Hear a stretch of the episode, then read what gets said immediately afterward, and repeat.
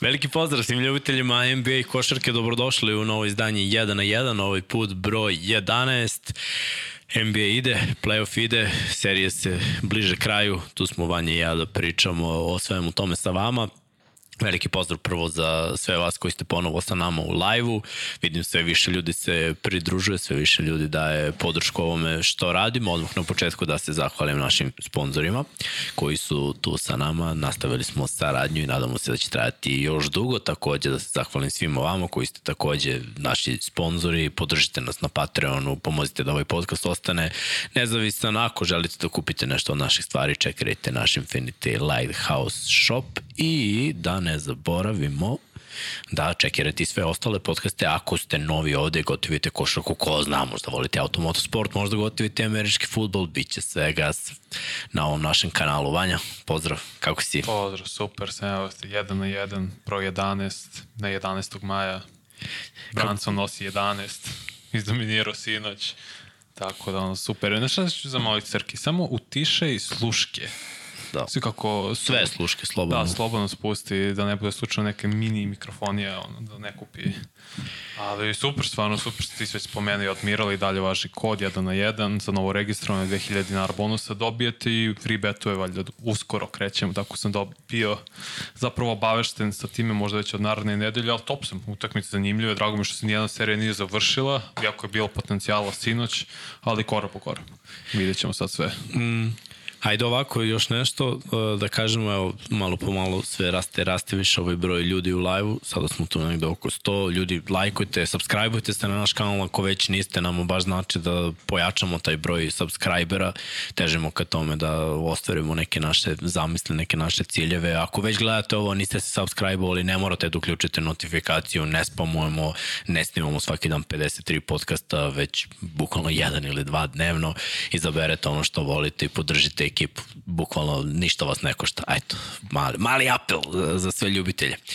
Što se tiče NBA, ajde da kažemo u ova dva, tri dana koliko nismo radili, odigrane su utakmici svake serije, pa ćemo prolaziti polako mm -hmm. jednu po jednu seriju, plus smo za danas spremili jedan mali specijal, to je Vanja spremio All NBA petorke i malo osvrt na, na istoriju, kako je to bilo, uh, naravno kako je izabrala Kia, to je kako je NBA izabrao i kako je izabrao Vanja. Vanja ima svoje petorke. Tako je.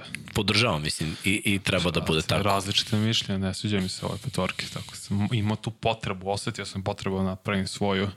Ali dobro, o tom potom hoćemo da krenemo sa prvim meča. Srki, šta nam daješ? Daješ nam Jokića i Denver koji imaju meč loptu večeras protiv Sanca, ali prvo da se osvrnemo šta je bilo zapravo peti meč kako su došli do toga. Mislim, to je bilo pre dve noći, mislim, uh -huh. ako se utrak na sredu zapravo, ako ne grešim, I Denver je izgledao dominantno u tom meču. Stvarno su o, o ponovo ubedljivo pobedili Phoenix, ono što Phoenix ne uspeo da uradi tokom ove serije, već neko jedva izlači pobede kod kuća, Denver već u par mečeva kod kuće, ovo isto značajno igra bolje i sa većim razlikom i ubedljivije pobeđuje Phoenix. Kod kuće. Tako je. Isključivo kod kuće. Znači, ovo je, mislim, ovo je dobro za Denver. Ako, ćemo, ako će obe ekipe da pobeđu samo kod kuće, Denver idu u finale. Mislim, dobro i za nas, pošto navijamo. Mm -hmm. Ali ajde ovako da, da kažemo, utakmica, ja sam gledao malo više od prvog polovremena, do negde kraja treće četvrtine sam izdržao, onda, onda me ovaj, Oči su me izdale, znači bukvalno sam pao. Ali do tog momenta Denver je bio dominantan. E sad, da kažemo, prva četvrtina, jako dobro otvaranje utakmice, stekle su odmah prednost, uh, igrali su malo brže, aktivirala se klupa, malo više, energija je bila malo bolja i ono, kad Gordon radi posao, kada Jamal krene da pogađa svoje nekako sve. Porter junior je odmah imao ono, u prvoj četvrtini jednu svoju mini seriju mm poentersku i eto, to je taj doprinos. Doprinos startera, doprinos klupe i nekako sve ide bolje. Druga četvrtina pripala je Phoenixu, naravno oni će se uključiti, imaće svoju seriju, ali opet treća Denverova i to ubedljivo i onda na kraju to sam vidio tek sutradan, ali nije, nije uspeo Phoenix da, da reši ovo. Mislim, za njih i nije ovo strašno, s obzirom da su dobili dve tekme kod kuće, da igraju sledeću kod kuće i da eventualno traže svoju šansu u tom posljednjem brejku. Šta je potrebno za Denver? Mislim, oni su imali šanse da dobiju u Phoenixu. Nijedan nisu, samo, eto, nadigrala ih je klupa Sansa, pre svega imali su lošu energiju defanzivnu, ušli su neki brži pace nisu znali da iskontrolišu to. Ne znam zašto je bilo tako. Ali definitivno, meni deluje kao bolji tim, šta znam. Meni Pa deluje kao bolji tim. Isto ne, i slažem se zašto je Phoenix dobio, se vratimo na treću, četvrtu, to je zbog klupe. I mislim da opet klupa će biti pod velikim pritiskom večeras, ali u petu meču šta se isto desilo, videli smo da je DeAndre Ayton skroz odustao od igra košarku, u smislu da je on ostao bez želje. Ja ga razumem, da ti konstantno te, tebe napada Jokić, jedan od najboljih igrača u NBA-u, znači on svaki e, napad ima dodira s loptom više puta, a ti u napadu dobiješ ono, svaki četvrti, peti napad, ajde sad ti kao da rešiš. Mislim, on do sad u, ovo, ovoj seriji nije imao meč sa dvocifrenim brojem skokova. To je samo želja. Čovjek ima skoro 2.15. No. To je želja da gineš za loptu, da ako ok, ne, ne daju mi priliku u napadu, da, je, da u odbrani da radim svoj posao i, u, i da skačem da što više skokova. Ali to Ejton ne radi odustaje. Bilo par navrata da je Jokić pretrčava celim terenom Ejtona i završava polu kontru, kon, kontru za Denver. Jokić koji je, mislim, spor, a Ejton koji bi trebao bude atleta, pogotovo za poziciji centra, prosto nema tu želju. Kapiram da je posle dobio udarac u rebra i sad je dalje po znaku pitanja da li će igrati večera. Znaš kad vidiš tako igrača koji je bez želje, Ja Dugo je on bez želje. I ove tekme što su dobili, nisu dobili zbog njega. I Nisu, videli smo ne. i ono sa Polom na klupi, i skraćena minutaža, da Landale dobije neku minutažu, sve je to nekako uticalo na njegovu stabilnost, je tako da kažem. Pa U- prošle godine je to počelo. On je Pa da. teo da. napusti, on je potpisao ugovor sa Tako je. uh, Indiana Pacersima, ali pošto su imali Phoenix Sunsi pravo da mečuju taj ugovor, tako da kažem, da se izrazim na taj način, on je ostao u Phoenixu. Ja verujem da on neće biti u Phoenixu sledeće godine, što je i nekoliko ljudi, dok sam gledao i analizirao da. prethodnih par dana, isto pričalo, ali ne možeš kad vidiš da čovjek ne želi, nema želju, znaš, i njemu je teško da ga stalno kritikuje. I Devin Booker, i Durant, i da mu kljucaju mozak, na, na, na, na, na, na, moraš ovo, moraš ovo, a oni, mislim, Durant isto ne igra efikasno. Ne igra. On i njegov način, mislim, to su super brojke, 30, koliko 1, 2 poena, 10, koliko 5 asistencija, ali neefikasan iz igre. I dosta gubi lopte, pogotovo, mislim, imao jedan partiju 7, dru- dve partije po 5, to je loše, mislim, Buker je sad šutno 8 od 19 i oni su zato izgubili. Jer je vezu, imao 11 promašaja, prethodne dve kad su dobili imao je 9 ukupno. Da. Ajde da pričamo malo o timskoj statistici, pa ćemo da pređemo na, na individualnu. Ovako, ako pogledamo procente šuta, e, malo bolji Denver, mada jedni i drugi su dosta šutirali. 85 puta Denver, 42 pogođeno, 88 Suns i 38. Znači, 49 naspram 43%. Nije to sad neka neviđena razlika kao pa bilo je zbog toga. Što se tiče šuta za 3 poena, 27 šuteva obe ekipe, 13 pogodio Denver, 9 uh, pogodio Phoenix. Što se tiče slobodnih bacanja i tu su bili blizu. O, sve su za nijansu bolje bile Nuggets, a razlika je 16 poena, tako da idemo polako da, da, da provalimo šta, šta je ključ. 21 od 28, a ovamo 17 od 24, znači 5% razlike, 75 i 70. 8 skokova više za Denver, 50 naspram 42, od toga dva više ofanzivno, 10 naspram 8. Asistencije, 10 više. To je ona timska igra koju, naravno, sad si rekao, bukvalno za centra Phoenixa skoči, uhvati loptu, to je tvoja šansa da, da ti realizuješ i eventualno ćeš dobiti nešto, uglavnom su solo role, Denver više traži, ukradene lopte 6-6, blokade 7-6 za Phoenix, izgubljene lopte 10-10.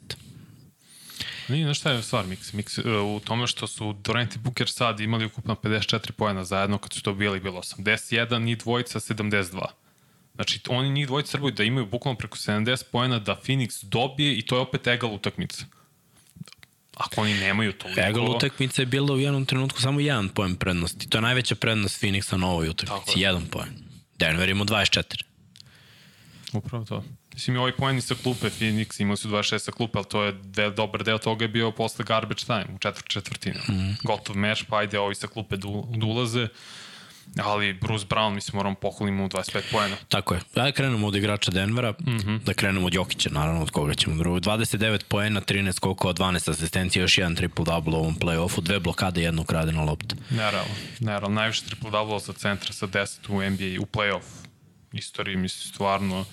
Ja kaže, ja, i neko je pitao u komentara, nisam fan Jokića sad, ali ja se divim njegov igri ovako kako igra. Stvarno imam dosta poštovanja, neko ko više ga kritikujem, našoj publici, ali ga branim američkim medijima. Ne znam kako to, ono, to je neka ta zlatna sredina, jer oni ga ne cene dovoljno, a mi ga previše cenimo i previše veličamo.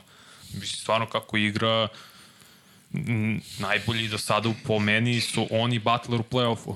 Da, pa dobro stavili smo njih i Bukera, tri najbolje igrače trenutno Da, da, u play-offu. meni Jokić Igraju sve Butler utakmice, konstantno su sve vreme i da nije njih, njihove ekipe ne bi bile ni blizu ovog učinka. Ni blizu, ni blizu.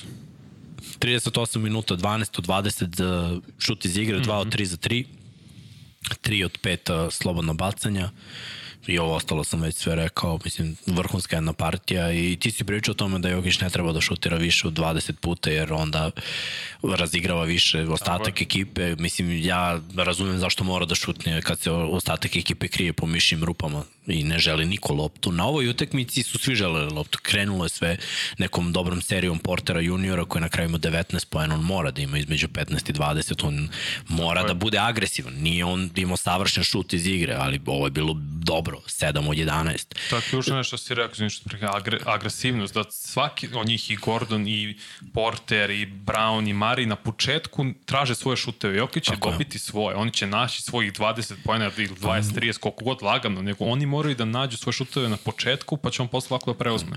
On može i da kreira svoj šut, znaš. Mm. Za Gordona je jako teško, on je imao, mislim, loše procente šuta na ovoj utakmici, imao je par nekih koje je pogodio. 4-13 je bio njegov šut iz igre, ali eto, opet, šest kokova, šest asistencija, 10 poena. Mislim, Dobro neko je, neko je morao tu da prednjači.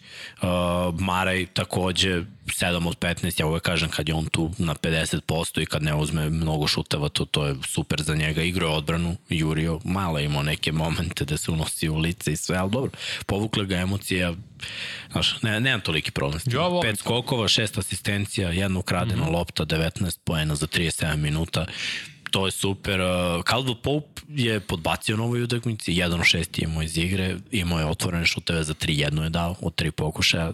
To su njegovi šutevi, on to mora da reši. I što se tiče klupe, rekao si već, uh, Brown 25 poena, mislim da, da je izdominirao ovu utakmicu i on je taj igrač koji ima agresivnost, smelost, atleta je. On kad krene na obruč, ja ga vidim da zakucava. Znaš, on opet ima te promene ritma, a čuva ga najgori igrač uglavnom ovamo. I, Da. i eto, eto šans. Znači, neko je morao da istupi. Uh, od tih 25, 9 je postigao sa linije slobodnih bacanja. Dve Bravo. trojke je dao. 7 od 11 imao iz igre. I, identično kao Porter junior. I njih dvojica koji nisu bili faktori u utakmicama 3 i 4, sada imaju obojica 7 od 11 šut iz igre. Ne možeš da izgubiš ti momente, stvarno pogotovo, jer često će desiti da Booker uzme najslabije ofenzivnog igrača Denvera. Taj kogod daje mora da napada konstantno koši, da stavi Bookera u problem, ne nužno sa faulovima, ali da ga što više više umara, jer zašto KCP i Gordon loš? Zato što oni uglavnom čumaju Durenta i Bookera. I oni, radi, oni su sad uradili dobar posao u petom meču, što imali loše procente iz igre. I Pa, tome, to je, mislim, to se ne vidi u Istrošili su se. Crkli su i Tako je, ali bi samo napade, mislim, Chris Paul neće igrati ni, veča, ni večeras opet, verovatno ga spremaju za utakmicu broj 7 ako je bude bilo, moraš da napadaš Bukera i Durenta kad su oni odbrani. Nemoj da ih štediš, a nek se oni umaraju što više i kad tad će posusati, kao što je Buker, mislim što je i normalno u petom Pa meču. i prosto ne možeš da više. igraš celu seriju, sedam utakmica na visokom nivou, stvarno, to, to radi redki. To rade redki. Ajmo malo na Phoenix, 26 pojena Kevina Durenta, 10 od 24 iz igre, 0 od 3 za 3, to je malo nekarakteristično, 11 skokova, 7 asistencije i on je koketirao sa triple-double učinkom, 5 izgubljenih lopti, jedna blokada, 42 minuta. Booker 41 minut. Znači, igraju bukvalno skoro celu utakmicu, ajde da kažemo. Znači, 5-6 minuta ne odigraš od cele utakmice. Booker 41 minut, 8 od 19 šut iz igre, 28 poena, 4 asistencije, 6 skokova.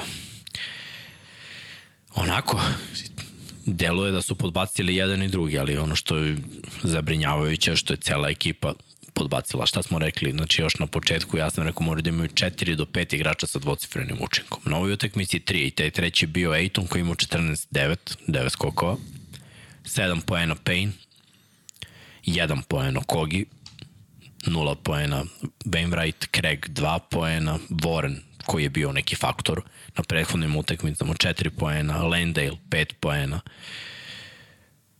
Šemet 6 i 9 Terence Ross. Eto. Ross koji inače 3 od 4 šutirao, samo trojke je šutirao. Nije ni jednom krenuo Ross je atleta isto i kuca da. i može da završi, samo trojke je šutirao. 20 minuta je bio na parketu. Od klupe oni Šemet najviše. Pa mislim, osnovno je to da će ponovo Šemet naći svoj neku, nazovi magiju, svoj osjećaj za tri pojena kao što je on maltene u četvrtu, četvrtini, u četvrtom meču spasio Phoenix, ali ono što je zabrinjavajuće da Phoenix jeste da Durant i, i dalje nije imao nijedan meč gde on izgleda kao najbolji igrač na terenu. Pa da, tome je stvar. Ovo je Bookerov playoff. Tako je, nismo videli to Durenta, sve, mislim, dobija on svoje brojke, ali neefikasno, dosta gubi lopće, šut za 3 poena mu je 22%, što je za njega katastrofa nekako ne može da nađe ritam. Ja ne vrem da je to, da je to do neuigranosti sa igračima, sa igračima, mislim da uopšte nije to. Ali ne znam ko je razlog. Možda zato što fizikalni igraju. Poston je dao a, način i ideju kako se zaustavi Durant prošle godine kad igra u necima. Fizikalno s njim, tuci ga. I on je imao svoju najgoru playoff seriju u, u ikada sad nije baš na tom nivou, ali očigledno mu smeta, smeta ta fizikalija konstantna od Gordona koji ono 2-0-3 ima 115 kg mišića, jake, atlete, brzi isto, to net može da šutira preko njega, ali ne može konstantno da igra leđima i da pronalazi svoje neka mesta na polu distancu, distancu gde će on lako da daje poene. U tome je stvar. Umara se mnogo više nego inače. Sve stoji. Koja ti je prognoza za ovu tekmu? Evo, pišu ljudi ovde da je Ejton po znakom pitanja, Chris Paul ne igra. Da, da. Znači, Paul ne igra, Ejton Ja ne znam koliko je to dobro za, za Denver što Ejton Ejton ne igra, iskreno. Mislim, kad Ejton igra i Jokić Dobro, mi ne znamo da li ne igra, da kažem. Da, da, u pitanje to znamo, pa evo, mislim da Denver zatvara. Ako bi Denver zatvara večeras seriju, pre svega očekujem da će klupa Denvera igrati bolje u Phoenixu sada nego što su igrali u utakmicu 3 4 i očekujemo od Michael Portera da bude agresivan pogotovo na početku i tokom čitavog meča da pronalazi svoje šuteve, jer opet ko njega može tamo da čuva Kogi u startnoj Tori Craig ispo iz rotacije konstantno. Mislim, on mora da nalazi svoje mismečeve i da ih koristi maksimalno Jokić će imati svoj 30 i možda triple-double. Mari mo, mora da bude efikasan, da ne uđe onaj svoj kontraritam. Kad uzima previše šuteva iz nekog razloga. Meni nije, nisam imao problem što se ono imao neki bif, kao nazovi tako, sa Šemetom, da mu ušao u licu, ja to volim, poštojem, ne sveđam što je dobio. Mislim, je li dobio tehničku za to? Ne, to malo Naravno da je dobio. Sudije rade, ali okay. To je taunting. Mislim, pravilo postoji. Jeste, pravo se znam, ali nemam, kažem, nemam problem s time, tako da ono, ako opet jo, uh, Durant i Booker eksplodiraju, bitno je samo klupa da ih ne prati. Meni defensivni plan bi bio pušta njih dvojicu da imaju šta god, ali nemoj da dozveš nekog sa klupe da te pobeđuje, kao što je to uradio Šemet u četvrtoj utakmici. No da pozdravimo Mikija koji donira. Da, carski. Kaže, evo lova za Rizlu. Rizlu imaš, ali ličnu kartu nemaš.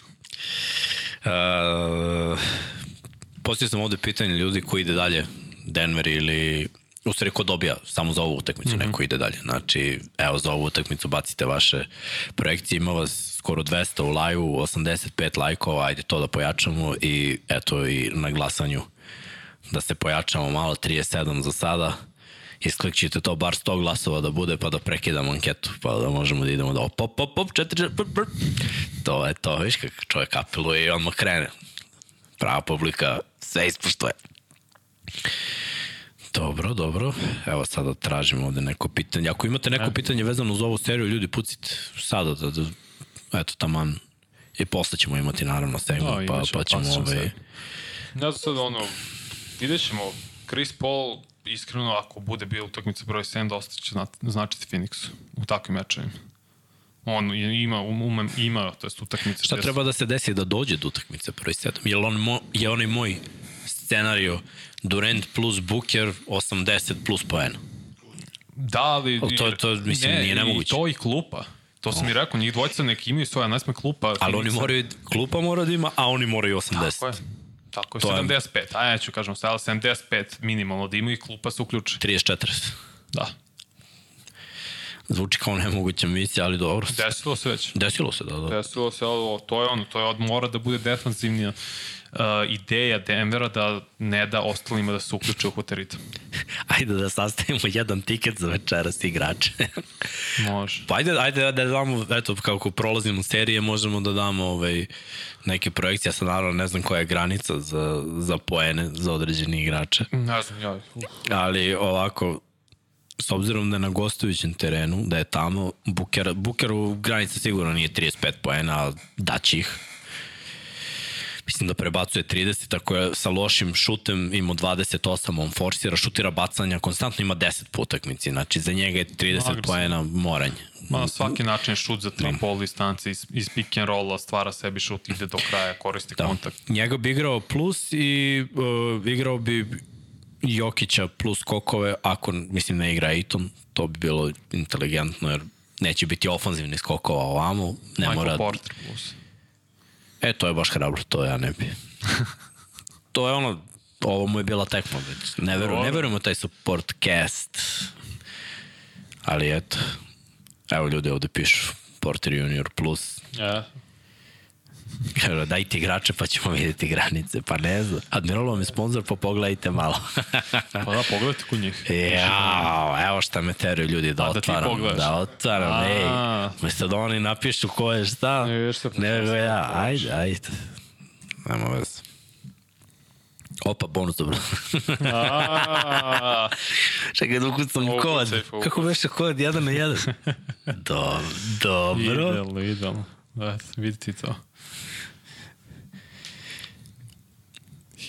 Dok ti tražiš da imamo šta bismo šta Dobro, možemo šta možemo Srki lagano da pređemo sledeće, da pređemo da na, na drugu Vanja će da uvede sa pričom ovaj šta je bilo pošto je odigran utakmica pa Lakers eto to je bilo. Lakers i nisu prešli most do finala zapada Srkjeva ideja by the way za potpis fenomenalno iskreno mnogo mi se sviđa. I tako se desilo sinoć mada moramo se vratiti na četvrti meč da su Lakersi dobili jedva jako je Golden State imao svoje prilike na kraju meča da izjednači i da povede nije se desilo pre svega zbog Lonnie Walkera koji je odigrao četvrtinu života.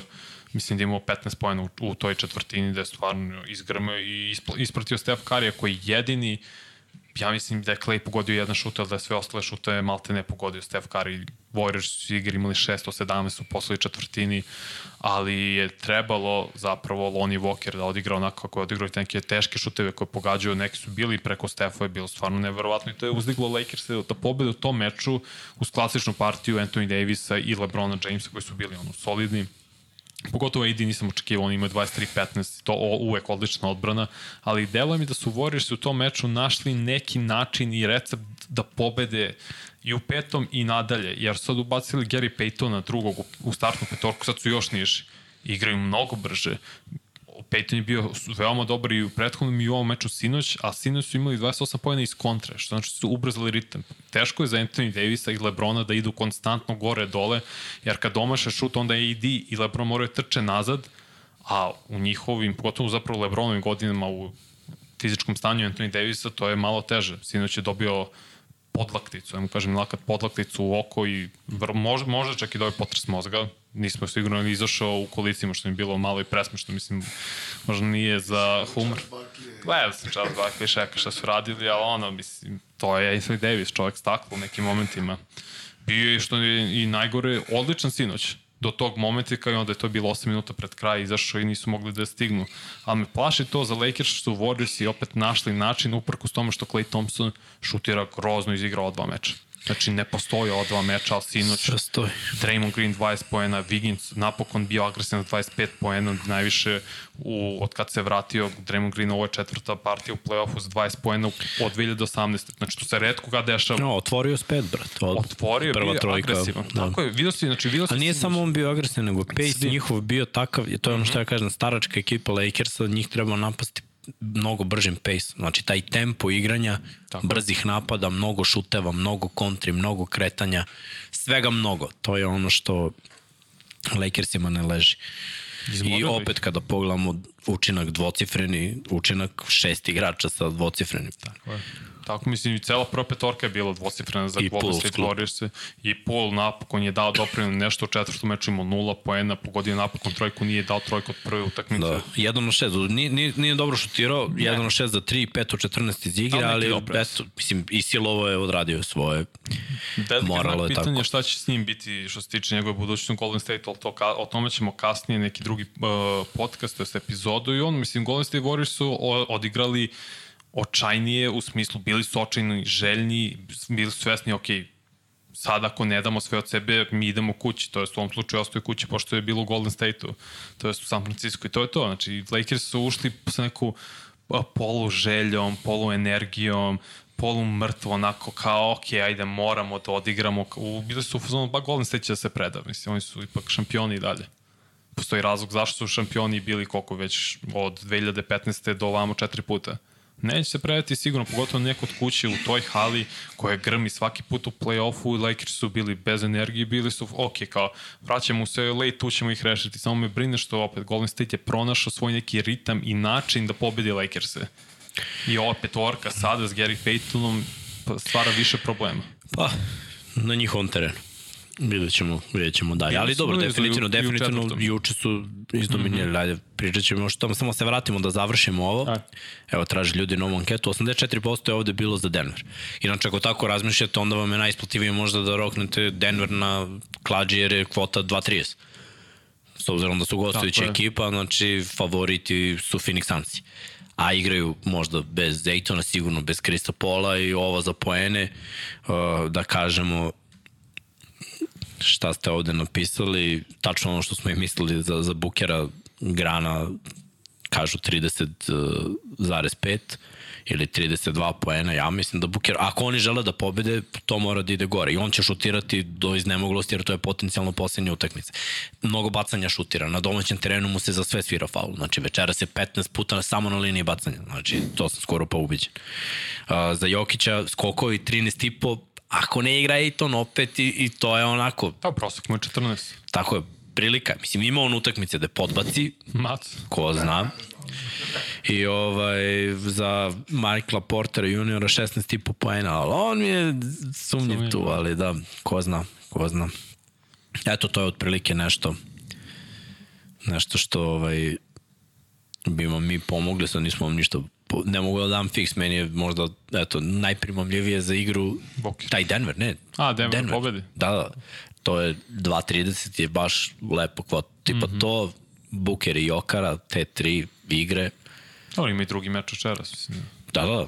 Ima im tako. Eto, doćemo do toga. Pa eto, možete tako spojite, je, malo se poigrate i što da ne. Srki, mogu ovo što Mikse pije? Ne kažem koga. da ti stavi čet, četvorku. Idemo. Izvini, maltretiranje. Rashiri kadar. Dobro. Ajde da kažemo ovako, prelazimo znači, na, na LA, prešli smo na LA, prešli smo na, na Golden State. Mislim, pazi, Golden State je dao 70 po vreme. To nisu dali da. dugo već. Pa, šta sam ti rekao kad si se smeo? Naziv za tu ekipu. To, to, to je... Šifraš. Tako je, ekipa šifraša. Evo gledaj, Stef 12 od 24. 3 od 11 za 3. Znači, loše veče. Ali on će šutne, on će šutne tih 11. Njihov plan je da on šutne tih 11. Mm -hmm. Ili 15. Jer zna da otprilike ima nekih 30... Ako loše šuter ima 30% šuta iz igre. Za 3 pojena. To je bolesno. Onda Wiggins. 10 od 18 šuta iz igre. Ali agresivan napad. Tako je, 25 poena. To mi se svidao. To Green je bio najbolji, 7 od 1, ovo 7 od 11, Izgleda 7-Eleven. to je ovo izgleda najbolje. Clay 3 od 12. Clay grozan poslednje dva meča. Apsolutno grozan. Tako da kad pogledaš i, i po, Gary 4 od 5, mislim nije mnogo šutirao, ali Dobro, 10 pojena, da ne? 13. 13, 13 pojena, 6 skokova asistencije. Uh, generalno, skokovi samo Green je imao 10, nekako su rotaciju drugačije stavili 20 minuta samo za Luni, a pronašli su brže pace, small ball i mm -hmm. Meni delo da, da oni možda, sumnjam da mogu da vežu tri pobede. Čak i da ukradu sledeću i da bude 3-3, mislim da Lakersi mogu da pobede, ali za Lakers je velika šansa kod kuće već da završe ovu seriju. Ali naravno oni sad moraju da uspore tempo. Ne smiju da se jure s Warriorsima. To ono što ne smiješ tebi da dozvoliš. Da, da se mogu. raspucavaš njima, jer ne možeš da ih pobedeš u raspucavanju Jasno. i da trčiš s njima. Jer le, bar ako si Lakers. A da li mogu oni to da urati? Zato kažem, mogu, imaju da dosta veterana. Imaju dosta veterana. svoj ritam i način kako uz ovu ultra small ball petorku. Jesu. Deluje ti samo zato što si gledao ovu utakmicu i, znaš, A to sve može da se promeni. Isto. Da, da, a sve to može da se Znaš, promeni. Zbog dve utakmice, ne samo sin, četvrti meč je tu bilo, na klackali se gore, opet da Ali onaj tamo prethodni nije. Zato što su Lakers igrali drugi pace, drugi tempo. Yes. I sad, znaš šta, svaki put kad se prenese mm -hmm. lopta, Neko mora da, no, da stane, žargonski, stane na loptu, ono, ko, ko u futbolu, ko imaš i u, ono, i u košarci možeš da, da kažeš tako. Možeš, da, da Smiri, bre. Smiri. Zašto moramo da igramo napad da se šutne u 10. 12. sekundi, kad imamo vremena? Znači, polako, pozicioni napad, nešto u NBA-u je skoro nemoguće, ali Lakersima to treba. Jer oni ako postave takav napad, mm -hmm. imaju dva igrača koji uvek mogu da reše do kraja. Antonija Davisa i LeBron. E, ali to da, treba Darvin Ham da uspostavi još akcija za Anthony Davisa na niskom postu. Jer ne, do, ne dobija dovoljan broj na meču. To, pogotovo u drugom polovremenu, jer sam video da su mnogo više sada izvlačili Anthony Davisa eh, u pick and rollu Warriors i u odbrani da, preuzme, da preuzme Stefa što njega dodatno umara. Može on da isprati Steph Curry, ali ako to radi kroz čitav meč, to je dodatni umor i napor za njega. Pre, to, pre su to radili samo krajem četvrte četvrtine i u četvrtoj, sad radi, a sinu su radili tokom većine meča. To je velika razlika što Steve Kerr pravi te Uh, što am, amer, amerikanci kažu adjustments, te promene. Prvo je bila ubaciti Michael Greena u, u drugoj utakmici u petorku, isplatilo se, do, dobili su. Pa onda u četvrtoj ubaci Gary Paytona, tu si nešto pronašao, zadržiš ga u petoj. On, oni konstantno prave neke promene, to je pravi Steve Kerr, reaguje na ono što Lakersi rade, Darvin Ham u nekim momentima uh, ne, ne radi u tom smislu dovoljno, nego se više oslanje na prostu inteligentnost i sposobnost jednog LeBron Jamesa i Anthony Davisa, što nekad nije dovoljno, pogotovo u ovim slučaju. Znači, daj više loptu dole, dole Anthony Davisu, jer ne, mogu, ne znam ko da ne ko može pa ga čuva. Tako. On Malo mora su. da ima 30 poena. Mora. I mora da ima skokove. Što ima, samo nema Da, da, da. dovoljan broj dodira u napadu za tih 30. Ajde malo da se bacimo na timsku individualnu statistiku. Ovaj, pričali smo malo o individualnoj uh, Warriorsa, gde smo napomenuli sve koji su doprinali tu. Ajde da kažemo, Moody, Luni i Kuminga su imali ukupno 15 pojena. 6-5-4. Uh, idemo malo na individualnu Lakersa. Anthony Davis 23 poena, 9 skokova, podbacio i na jednom i na drugom, tri asistencije. Gledali su malo više da ga izboksuju. Ali igrao sam Napolje. 32 Da, da. minuta zbog ove udarca. Uh, Vanderbilt samo 11 minuta, bez poena. Takođe, on jeste defanzivni igrač, ali mora da doprinese, mora malo bude agresivno. Samo dva šuta je imao. Nije išao na skok, nije išao na one backdoor utrčavanje njegova. To sve mora da se desi. Uh, LeBron James 39 minuta, 9 od 17 iz igre, 9 skokova, 3 asistencije, 2 ukradene, blokada i 25 minuta, do 25 poena. Ok. I, ja, I očekujem da njegovi broji budu ovakvi. Da, on je U- konstantan, to. to. To je to. Čak i šut iz igre, to je bolje od 50% za nijansu. Jeste, ali za 3 poena on vezuje u drugoj četvrtini kad su se vraćali one tri trojke. 3 od 7 i to je dobro.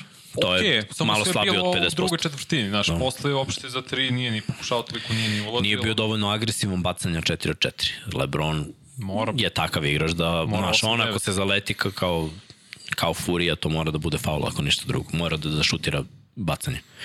Russell, 15 poena, evo je možda prva anomalija kada Dilow ima 15 plus, da Lakersi gube. Obično gube kad je on ispod 15, a svaki put kad je prebacio 15, oni su pobedili. Obranuli su u četvrtom meču i imao koliko? 3 poena ili 4. Taj neki fazon išao na jednu deseta iz igre i dobili su, tako da to to obrnuta situacija. Reeves 15 pojena takođe. 6 od 10 Russell, 5 od 12 Reeves. Ali klupa, samo Schroeder 14 pojena, 6 od 11 iz igre, ostatak ekipe slabo. Hačimura 2 od 3 šut iz igre, jednu trojku šutno, a trebalo bi 21 minut je probe 4 pojena samo. Da, takođe 28 minuta za Vokera koji je onako bio rešenje. Mm -hmm. Pravo ni otkuda, mislim, bio je rešenje i onda na ovoj utakmici 2 od 6, isto 4 poena samo. Od koga da oduzmeš šute, što te prekam, sad gledam, De, LeBron šutno 17, Davis 18, Russell Ne moraš, ne moraš da oduzimaš. Ne Reeves moraš da 12. oduzimaš. Imali su, ja sad ćemo malo na timsku, 11. na timsku statistiku, pa ćemo, ne moraš ništa da oduzimaš. U- Ušli su u neki loš tempo, imali su, ono, kao u tenisu kažu, ono, neiznuđene greške. Gluposti. 14 izgubljenih lopti. Dozvolili su 20 poena od tih 14 izgubljenih lopti. Znači, ako gledaš da je izgubljena lopta je jednako kontra za protivnika, oni bukvalno samo na 4 izgubljene lopte nisu primili poena. Od 10 su primili. Je, zašto su spori? Ne, mo- ne možeš tako da igraš, ne možeš da se vraćaš. Da, ovi imaju trojke iz tranzicije, nemojte bukvalno da me shvatite, ali Da, ne možeš da. da gubiš lopti i da im daješ takve pojene. Lakersi nisu napravljeni tako. Uh, možeš da pronađeš još šuteva, evo da krenemo ovako. Za 3 poena, 27 šuteva, 10 pogođenih. Ha, dobro, okej. Okay. Dovoljno su broj. Warriorsi 35 šutnuli, 13 pogodili. Znači, ako ćeš da se juriš sa Warriorsima, moraš da prodireš da bi izbacivao lopte, da bi imao relativno otvorene šuteve. To, to su šutevi koje Lakersi pogađaju. S druge strane, Warriorsi mogu da šutnu iz driblinga, side step, step back, šta god. To su njihovi šutevi, yes, mislim. Yes. Ali tebi je mnogo teže, ali moraš da budeš sigurniji. Pazi ovo, uh, generalno šut iz igre, 87, šutnuli 42 pogodili. Znači na 48%. Čak nije ni loš šut. 106 pojena ukupno su dali. Dobar. Ni to nije toliko loš. Ali 92 šuta za, za Warriors se 47 pogođenih. Eto, mala nijansa, ali sad gledamo kako da dođemo do ovoga. Skokovi, 10 više za Warriors. Ne možeš da me ubediš, brate. Warriorsi su prvo sitniji, manji. Nemaju o, ja ne znam kako su ovo odradili. Na želju, to je to što ste rekao. Od, igrali su no, sa mnogo većom željom, bili su očajni, bili su svesni, izgubimo, idemo kući, sad ginemo, sve Sedam da ofanzivnih skokova. Eto da leži problem gde tražiš te šuteve. Sedam mm ofanzivnih skokova. Pa to je Anthony Davis imao sam za polovreme u nekim utakmicama. Da. Na ovoj utakmici on je ukupno imao devet. Ne može Anthony Davis da ima devet najveći, mislim najviši, nije samo najviši nego i najveći, hoću da kažem i, i, i kad pogledaš njegovu fiziku, Ogromna brate, kako izgleda čovek, kad raširi ruke, brate, njegova ramena da podmetne, svaka druga lopta može da bude njegova. Ako nije njegova, mora da bude Vanderbilt, koji je baš podbacio, ili Hachimura, to su četvorke u Lakersima, zar ne? To treba da budu igrači koji će ako su Davisa izboksovali, ako ga dvojica grade, da on ne mhm. može da se spusti da uzme loptu, neko od četvorke Lakersa mora da ide na skok, a ne svi bleje na trojici i vraćamo se nazad u odbranu. Eto su prilike za nove šutove. I to je moglo da bude novih, pa ajde minimum pet šuteva. Druga tekma. Totalno druga tekma bi bila, da je bilo Malo tako. sam opravdan Davisa, to ne radim često, skoro zapravo i redko to radim, znaš, 32 minuta igrao. Da je odigrao još tih 8 no. ili 6 u četvrtoj, verujem da bi imao 12-13 skokova. Pazi sad ovo, totalna anomalija za Golden State. Pojen iz reketa. Šta misliš? Blizu 50. Okruglo 50. Brate, Golden State je dao Lakersima 50 iz reketa. Da. da si mi rekao ovo pre 3 dana, ne bi ti verovao. Bukvalno. To je to na agresivnost. A 52 na... Lakersi. Što je za njih Koji bi mogli da ih uguraju pod koš svaki put. Tako da ono, Kad pogledaš manje više, Warriorsi su stvarno više želeli, odmah nametnuli neki svoj Tako ritam je. od početka i nije bilo lako. Ali dobro. Mislim, meni je ovo super, jer sad idemo na utakmicu broj 6, Super. Utakmica broj 6 će rešiti mnogo toga, znači već, već se sutra igra i ako Golden State dobije ovu, imamo tu sedmu koju smo projektovali, mi smo očekivali sedam utakmica. Ako Golden State dobije, to ja mislim da Lakers ne, ne mogu pošto pobedu broj 7 u Golden State u San Francisco. Mislim da nema teorije da Lakers imaju utakmica broj 7 zapravo ova sledeća. Jer oni, ako budu izgubili tu momentu, ide na stranu Golden State i u toj hali pred tom publikom gde su oni igrali koliko puta već utakmice broj 7, mislim igrali su naravno LeBron i Lakersi, ali samo LeBron i Anthony Davis nemaju teorije da pobede. No što je gotivno ovde? Ispravim ako grešim. Hmm? Sve četiri ekipe mogu da završe na gostujućem terenu. Hmm, kako misliš? Miami igra, vodi 3-2, sledeće kod njih. Kod njih, dobro. Lakers igraju kod njih. Dobro. Denver igra u gostima. Dobro. I šta mi je ostalo? Večeras Boston, Fila. Boston, Fila. Fila, Fila igra kući. A ne razumijem sad šta, ko može da završi gostima sve? S, uh, da, zapravo kod ne. kuće se tri završavaju i jedno. Jedno može. Je tako? Denver jedini završava u gostima, svi ostali završavaju kod kuće ako dobiju večeras. Da, e, to je, to da. To, za Denver sam previdio. Mislim da svi završavaju kod kuće. Da, da. da, da Ej, bitno je da smo stigli na krajnju destinaciju, a sad što je put bio malo vozi Miško, to je... Prava. Pravo si. Lepo, brate. Tri, tri od četiri kod kuće imaju timovi šanse. Ajde, ajde da pričamo ovako. To S obzirom da smo Denver već prošli, od sada pa nadalje svaku utakmicu koju analiziramo, rešava se kod kuće. Šta treba da se desi za Lakers-e i koje su šanse, eto, kako ti vidiš, mm. da oni mogu da reše ovo? Da ugase ritam Warriorsa, da probaju da, i da ih faulovima možda izbaci iz tog run and shoot, trči šutiraj. Da nametne ritma. svoju fizikaliju od starta. Da to ne bude od druge, treće četvrtine, nego od prve četvrtine, pre svega LeBron James da nametne samog sebe, da prodire, da ide o kraj, da iznudi što više bacanja, da ne bude kao jedno meču što nije šutnuo uopšte u četvrtini. To ne sme se dopustiti. Znači, on mora da nametne svoj ritam, zatim Anthony Davis to mora da isprati, pa onda ovi ostali. Znači, ti odmah prvu četvrtinu će biti ključna. Postaviš, bukvalno što oni kažu, nametneš svoju volju nad njima Znači, igramo dole, igramo jako fizikalno, što više lopti ide Davisu, što više Lebron da prodire, nek se on spusti na visoki post na, in, ili niski, zato što dosta rotirali Wiggins, Draymond Green na njemu. Kogod daje, on je jači, treba da ih unese, da ide na bacanje što više i da, isto tako što si ti rekao, napravi problem sa faulovima u Golden State Warriors. Ili kogo čuva Steph Curry-a, to koga god Steph Curry čuva, da ga napade isto. Ako je to Austin Reeves, koji dobro iznudi slobodna bacanja, Mm. To je nevrovatno, možda to najbolje radi sad za Lakers. Te i on ima svoje momente da ide konstantno do kraja i pokušava, kao što je uradio, bila jedna situacija sa Clay Thompson kada ga je digo, iznudio laka bacanja, ali ključna stvar će biti fizikalija za Los Angeles Lakers. Slažem se u potpunosti, mora da budeš agresivan i mora više da, da prodireš. Oni nisu imali. Ne možeš da imaš isto poen iz reketa kao Golden State, koji je ono trojkaška šuterska ekipa. Uh, ajde da pomognemo ljudima šta bi ovde igrao. Uh, pa ne znam, ne, ne znači naći to je sutra uveče. Da, da, ali ne bitno, eto. Šta bi ti onako bilo... Pa znaš koja je moja, postala moja omiljena igra? Sad ću da se smeju, ali da. konstantno ulazi. Clay Thompson manje asistencija. Može. Jordan Poole manje. Čovek doda eventualno u nekoj tranziciji. Sve ostalo šutne. Yes. Dve asistencije imamo u prošloj tekmi. Obično je grana tu 2-3, pa to pogledajte. Ali ovaj, uglavnom Clay kad dobije loptu, Clay šutnik. Clay vidi, Clay šutnik. Uh, isto kako šutira. Pritom ovde je neko pisao ta šesta utakmica, to je obično njegov teren. Pa to voli, dobro, njegova to se scena. to desilo se protiv Oklahoma i koji još meč to, to bio? Bitno je da se desilo se jednom pa ljudi pričaju. Pa dobro, ne znam, nije Clay Thompson više taj isti igrač, misli povrede, ljudi imaju dve vrlo ozbiljne povrede Ahila tetiva i uh, ligamenti u kolenu. Dobro, protiv Sakramenta se isto probudio i Ja znam, ali to je miks na jedan meč, dva u se, od sedam. Stoji. Pa evo, nema ga celu seriju, kad će ako neće sad. Pa istina, ali ne, ne verujem da može, iskreno. Prekinuo sam anketu. A, slučajno ili? Pa, teo sam da pustim još par lova, prešlo je 100, bilo je 100, 105 glasova. Ko je bila anketa? Uh, ljudi glasio 52%, za Golden State i za Los Angeles Lakers je 47. Za samo ovu utakmicu, ne za celu seriju, nego za ovu šestu utakmicu. Biće napad.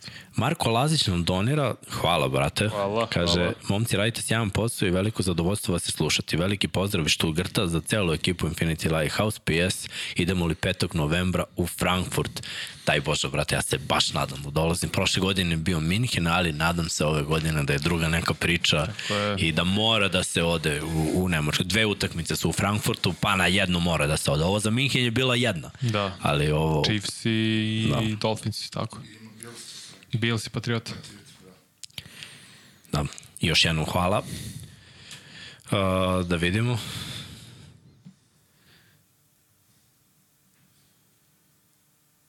Kažu ljudi ovde da su se već prijavili, prijavili za karte. Pa da, čitam, kaže, Clay ubacio najviše trojke u sezoni u karijeri, a onda posle toga piše Vladan Miladinović da se prijavio za karte za Frankfurt. Strava. Treba videti, ja bih baš voleo i, i treba, ovaj, video sam znači, kako je to bilo sve u Minhenu, nažalost, eto, nije se desilo. Evo, kažu mi da sam falio sinoć kod Luke i Kuzme, sinoć je bilo, ono, takav dan je bio da, no, da, da i bolje što, što ovaj, nisam bio, ali hvala ljudi. Pera je to odradio. Danas se, danas se sviđa, promenili smo malo nešto što se tiče streama. Izbacili smo jedan softver i nadam se da, da sad sve ide kao, kako treba kao podmazano, tako je bilo pre, pre dve noći, pa sinoć I evo i, i danas. Za sada deluje mi bez ikakvog... Srke, imamo tamo neki frame da, da piše da izgubi nula, a? Ma da. Tako je. Daj Bože da ostane tako to. Što stalno, znaš, kaže, Cile, ceo život mi prođe da. u nekim smetnjama.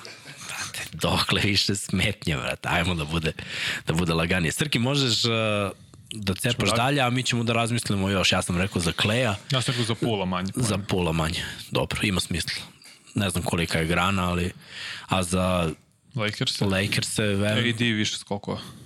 pa da. Ne znam kolika će biti grana, ali trebalo bi, ako hoće da pobede, on mora to da uradi, jednostavno mora, nema, Od kuće su. nema druge. Sve se razumemo. Mogu li 76ersi do finala istoka? Zašto je to pitanje? Pa pre svega zato što su pre dve noći odigrali fenomenalno u TD Gardenu u gostima protiv Celticsa i oduvali ih s terena. Stvarno, ceo tim je igrao sjajno, Embiid je igrao nevrovatno.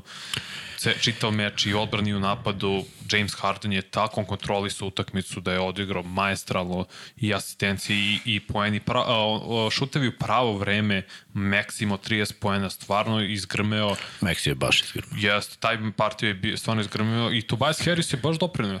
Ce, ceo tim Filadelfije je odigrao na jednom visokom nivou, čak i PJ Tucker imao dobre šuteve, ali njegova agresivnost, uh, fizikalija i prosto jačina sa kojom on igra i koju on nametnuo samom timu Filadelfije je nešto što im je falilo godinama unazad. Da je on prišao u lice Joel Embiidu i rekao mu stvari su to, to i to, ti moraš stalno da dominiraš, iskritikovao ga, ovaj prihvati, odigrao brutalan meč. I s- Da je PJ Tucker u Milwaukee, oni bi osvojili Moguće. 100%. PJ Tucker je taj, taj koji fali. I one godine kad se povredio Chris Paul, da je on ostao zdrav, tad je PJ, Tucker bio u, u Houston. Brate. Jeste. I tad bi vrlo verovatno oni umesto Warriorsa išli u finale. Mi smo radili Luka i ja tu, tu seriju i bili su bolji. Onog momenta kad se Paul povredio, oni su izgubili mnogo, ali jer je Paul baš bio poenter u toj seriji, radio je posao i posle toga nije, nije bilo šanse, ali da kažemo da PJ Tucker, pazi, uh, ja sam zezao Lakija koji je radio isto sa mnom NBA na, na sporu klubu, stalno sam ga zezao što je Laki isto malo korpulentniji, Ovaj, ali ima mekanu ruku kad smo igrali god na tim košićima na sport klubu što imaju i ovako neke termine. I ovaj go izvezan stani tamo u ćošak i to je to, PJ Tucker za tri. Uh, jedan od tri. Za, za, za tri, jednu trojku, to je pogodio, ali 7 skokova. E, ti kad pogledaš statistiku, on kao da nije bio fakt. To se ne vidi. A 34 minuta maltretira nekog u odbrani. To se ne vidi statistično šta PJ Tucker radi. Kakav doktor. Stvarno je doktor i pre svega ja se i njemu divim van terena. To je zapravo to je deo na terenu koje patike sve ima. To on ima čovjek najjaču kolekciju patika koju sam ja ikad vidio što se tiče jednog NBA igrača. To je stvarno oduzima ti dak svaki put. Ali pričamo više o Bo, Boston opet ulazi m, polu mekano, nedovoljno snažno u utakmicu. Mislim, Jason Tatum je bio dobar, Jalen Brown na, se nametne na početku, pa posle postepeno se gubi. Kao, ne, ne, ne, Izgubili znam su zašto- to oni timski. Slažem se, ti si u pravu tu. Ja ne znam zašto uh, Jalen Brown uzima dovoljan broj šuteva u drugom polovremenu. Zašto stalno se, uh, kako to, koji je to najbolji izraz, samo prepušta Jason Tatum. Ajde sad ti. Neću Tako ja, je- ajde tako ti. im je Kao da se duri tokom čitavog meča zato što nije igraš broj 1. Mislim, Ja mislim da mi je to postavka. Zato sam ja prišao u tom mogućem njegovom odlasku u neki drugi tim, da će on biti definitivno broj 1, jer ima zašto i da bude. Ali ajde da krenemo od timsku statistiku, pa ćemo da pređemo na individu. Da pro, probamo da nađemo šta se ovde desilo, da, da nađemo razlog ovog potopa Celticsa. Igraju kod kuće, gde su bili jako dobri. Otvorili su utakmicu slabije. Fila je nametnula neki svoj ritam, dobila prvu četvrtinu 33-26, drugu 25-23, treću 30-23. Znači, prve tri četvrtine igraju bolje. Pritom Boston pravi serije. Znači, bilo je u jednom trenutku serija File, evo sad mi stao mozak, ne mogu se setim, ali bilo je 10-12 pojena razlike za, za Filu mm -hmm. u toj seriji. Boston odgovara mini serijom 7-0, priveštaraš timeout. Pa su opet imali seriju 7-8-0. Oni naprave seriju i sada kad treba da se smiri, oni to ne rade. Uh, Pojeni iz reketa. Al Horford ima 0-7. Zašto se dotičem individualne statistike u sred timske? Zato što ne može centar, to je, to je centar. Mislim, on nije centar, on je četiri, ali ajde da kažemo, igra im centra, oni nemaju, Klasično. imaju uh, Williamsa koji ofanzivno ne igra. Pa i on, eventualno hvata lop. lopu On je 2.06, on je, nema visinu za centar. Ali igra više kao centar. Ne, nego što igra Al Horford. Horford se izvlači. 0 od 7 za 3 pojena. Pojeni iz reketa 36. To je Mislim, gledaj, meni je tek neprihvatljivo što Fila ima 36 sa svojim bidom koji je MVP, jer niko tu ne ide na ulaz. Fila se je oslonilo ovde na neko ludilo gde je Maxi stvarno izdominiru. Daj, krenemo ovako, krenemo šut iz igre. 50% za, za Filu. Zapravo 50,6. To je nerealan šut. Ovo je sad, pa ko zna kad. 40 od 79. Ti kad ovako šutiraš, ne možeš da izgubiš. Ja ne znam ko, ko, ko bi te pobedio. Pritom što si rekao, Taker je nametnuo neku dobru energiju u odbrani. Oni su igrali čvršću odbranu, a pogađali sve što su šutnuli. Bukvalno sve. Za 3 poena 12 od 30. Znači, najveći ovaj deo njihovih promaša je bio zapravo za 3 poena. Što je isto ono, neverovatno. Slobodno bacanja i ja mislim da u ovom grmu leži zec. Celu seriju. Brown je imao, eto, bila je jedna serija gde, je Boston približio se, Brown fauliran, promašio oba bacanja. A znamo da je u ovoj seriji već Tatum imao situacije da promaši oba bacanja. Ne možeš Borazeru da budeš all star i da promašiš u play-offu oba bacanja. All NBA. Na domaćem, pravo, na domaćem terenu. Još gore. Još gore. 34 su šutnuli 25 pogodili, 9 bacanja. S druge strane, Fila 23 od 27. Iskusno. Skokovi 49-36, 13 više. Opet kad imaš Embiida koji imao 7 skokova samo, ali ostatak tima imao Ostatak malo, tima je malo, radio. malo. Evo PJ, nije imao mnogo, 3 pojene, tako, 7 skokova. Tako je. 6 defanzivnih. Harris 11. Tobias Harris kaže o, o, X faktor na ovom meču jer nije ga bilo prethodnih utakmica i sad lepo imao 17 pojena ili 18 tako nešto ali svako je doprinao ali najviše mi se i Daniel House na klupu isto bi imao bio dvocifren ali Harden je odigrao tako majestralno tako je lepo sve razigravao i postavljao napad Wow. nije forsirao Klasične njegove partije. ne, prelepo je odigrao stvarno James Harden ali Embiid Već dve, tri utakmice baš nam samo onaj on je dvo- poraz, onaj utakmica bolni, 2-3. da, da, to je bilo to nije loše. bilo dobro za Hardena, ali ovo ostalo. miks neko ko ima 2.17 da šutira onako trojke kao Embiid, on step back preko Horforda ulazi kao kap. On Ne, sve imaju, sve imaju. nisam video Sta, ja ne verujem da će se ponoviti. Izgubljene lopte pet više za, za Phil. Znači čak su igrali, Boston ima jednocifreni broj izgubljenih lopti. Jednostavno nisu, nisu igrali, znaš šta, pomagali su malo i nisu uspevali. Šta je meni karakteristično za Boston? Uh, od kad je tu Stevens i, i ta, da kažemo, njegova Filozofija. filozofija, oni tako dobro pomažu i na sve mogu da stignu, brate, da zakrpe. Znači, svako kog su ostavili ta preuzimanja, stignu na svaki šut. Znači, bukvalno ako je ono, ruka ovde, oni su tu blizu na, na, na blokadi. To smeta obično ljudima. Fili to uopšte nije smetalo. Ja nisam vidio dugo ovako, gledao sam celu ovu tekmu da, da je neko toliko raspoložen na gostovanjima, naročito ekipa za koju pričamo da, da tu imaju dva čokera, i Embiid i Harden nikad nisu uradili nešto veliko. Ubaci Mislim, dobro, polako. Čekaj, ubaci tu i Doc Riversa. Rivers je bar osvojio. Mislim, dobro, imao naravno mnogo više, ali imao je tu jednu generaciju s kojom je uradio nešto. Jeste. Bio je u finalu, osvojio je jednom. Ovi nisu došli do fi velikog finala još uvek.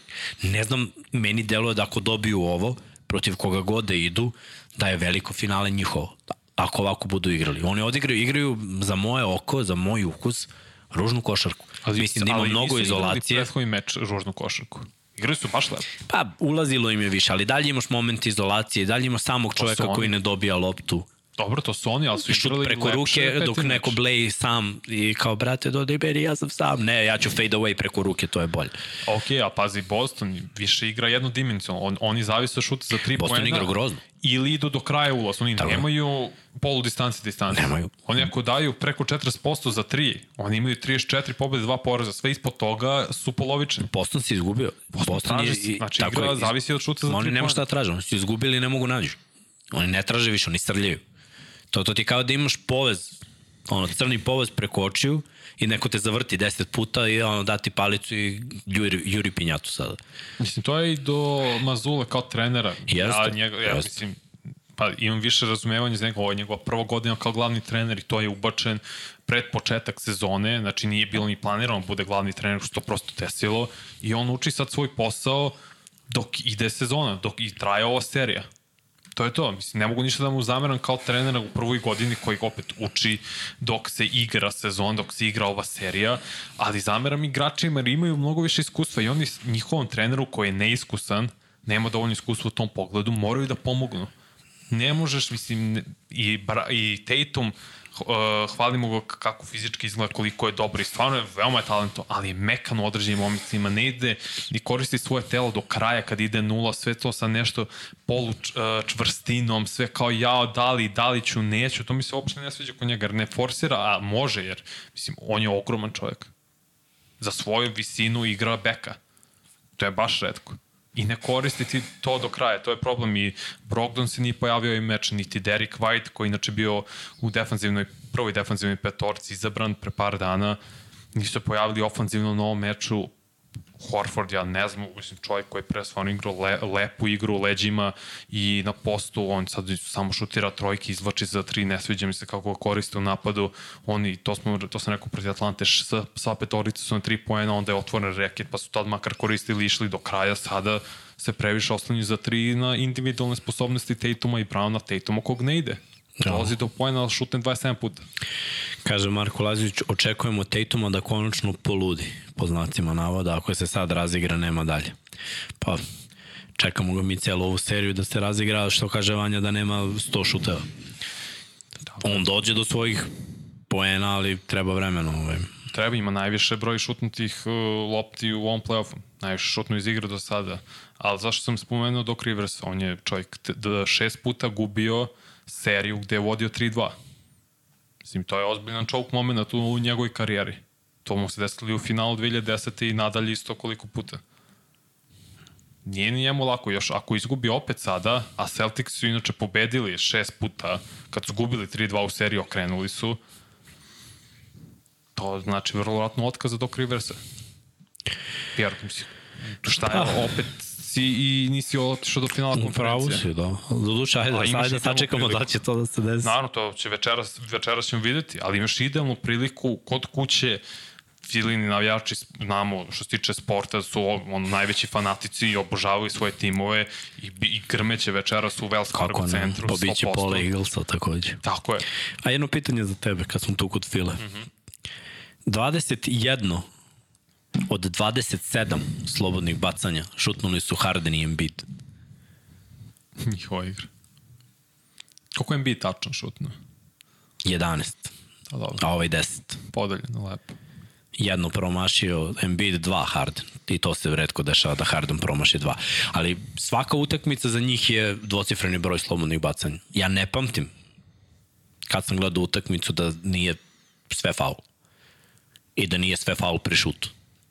Harden je opet imao on njegov, dobro ovo je bio faul, priznajem, za tri poena hmm. iz onog njegovog. I, uh, side step i srednje promene. S obzirom da je levoruk, onda srednju promenu desnom rukom u levu stranu i onda povuče loptu i digne gore.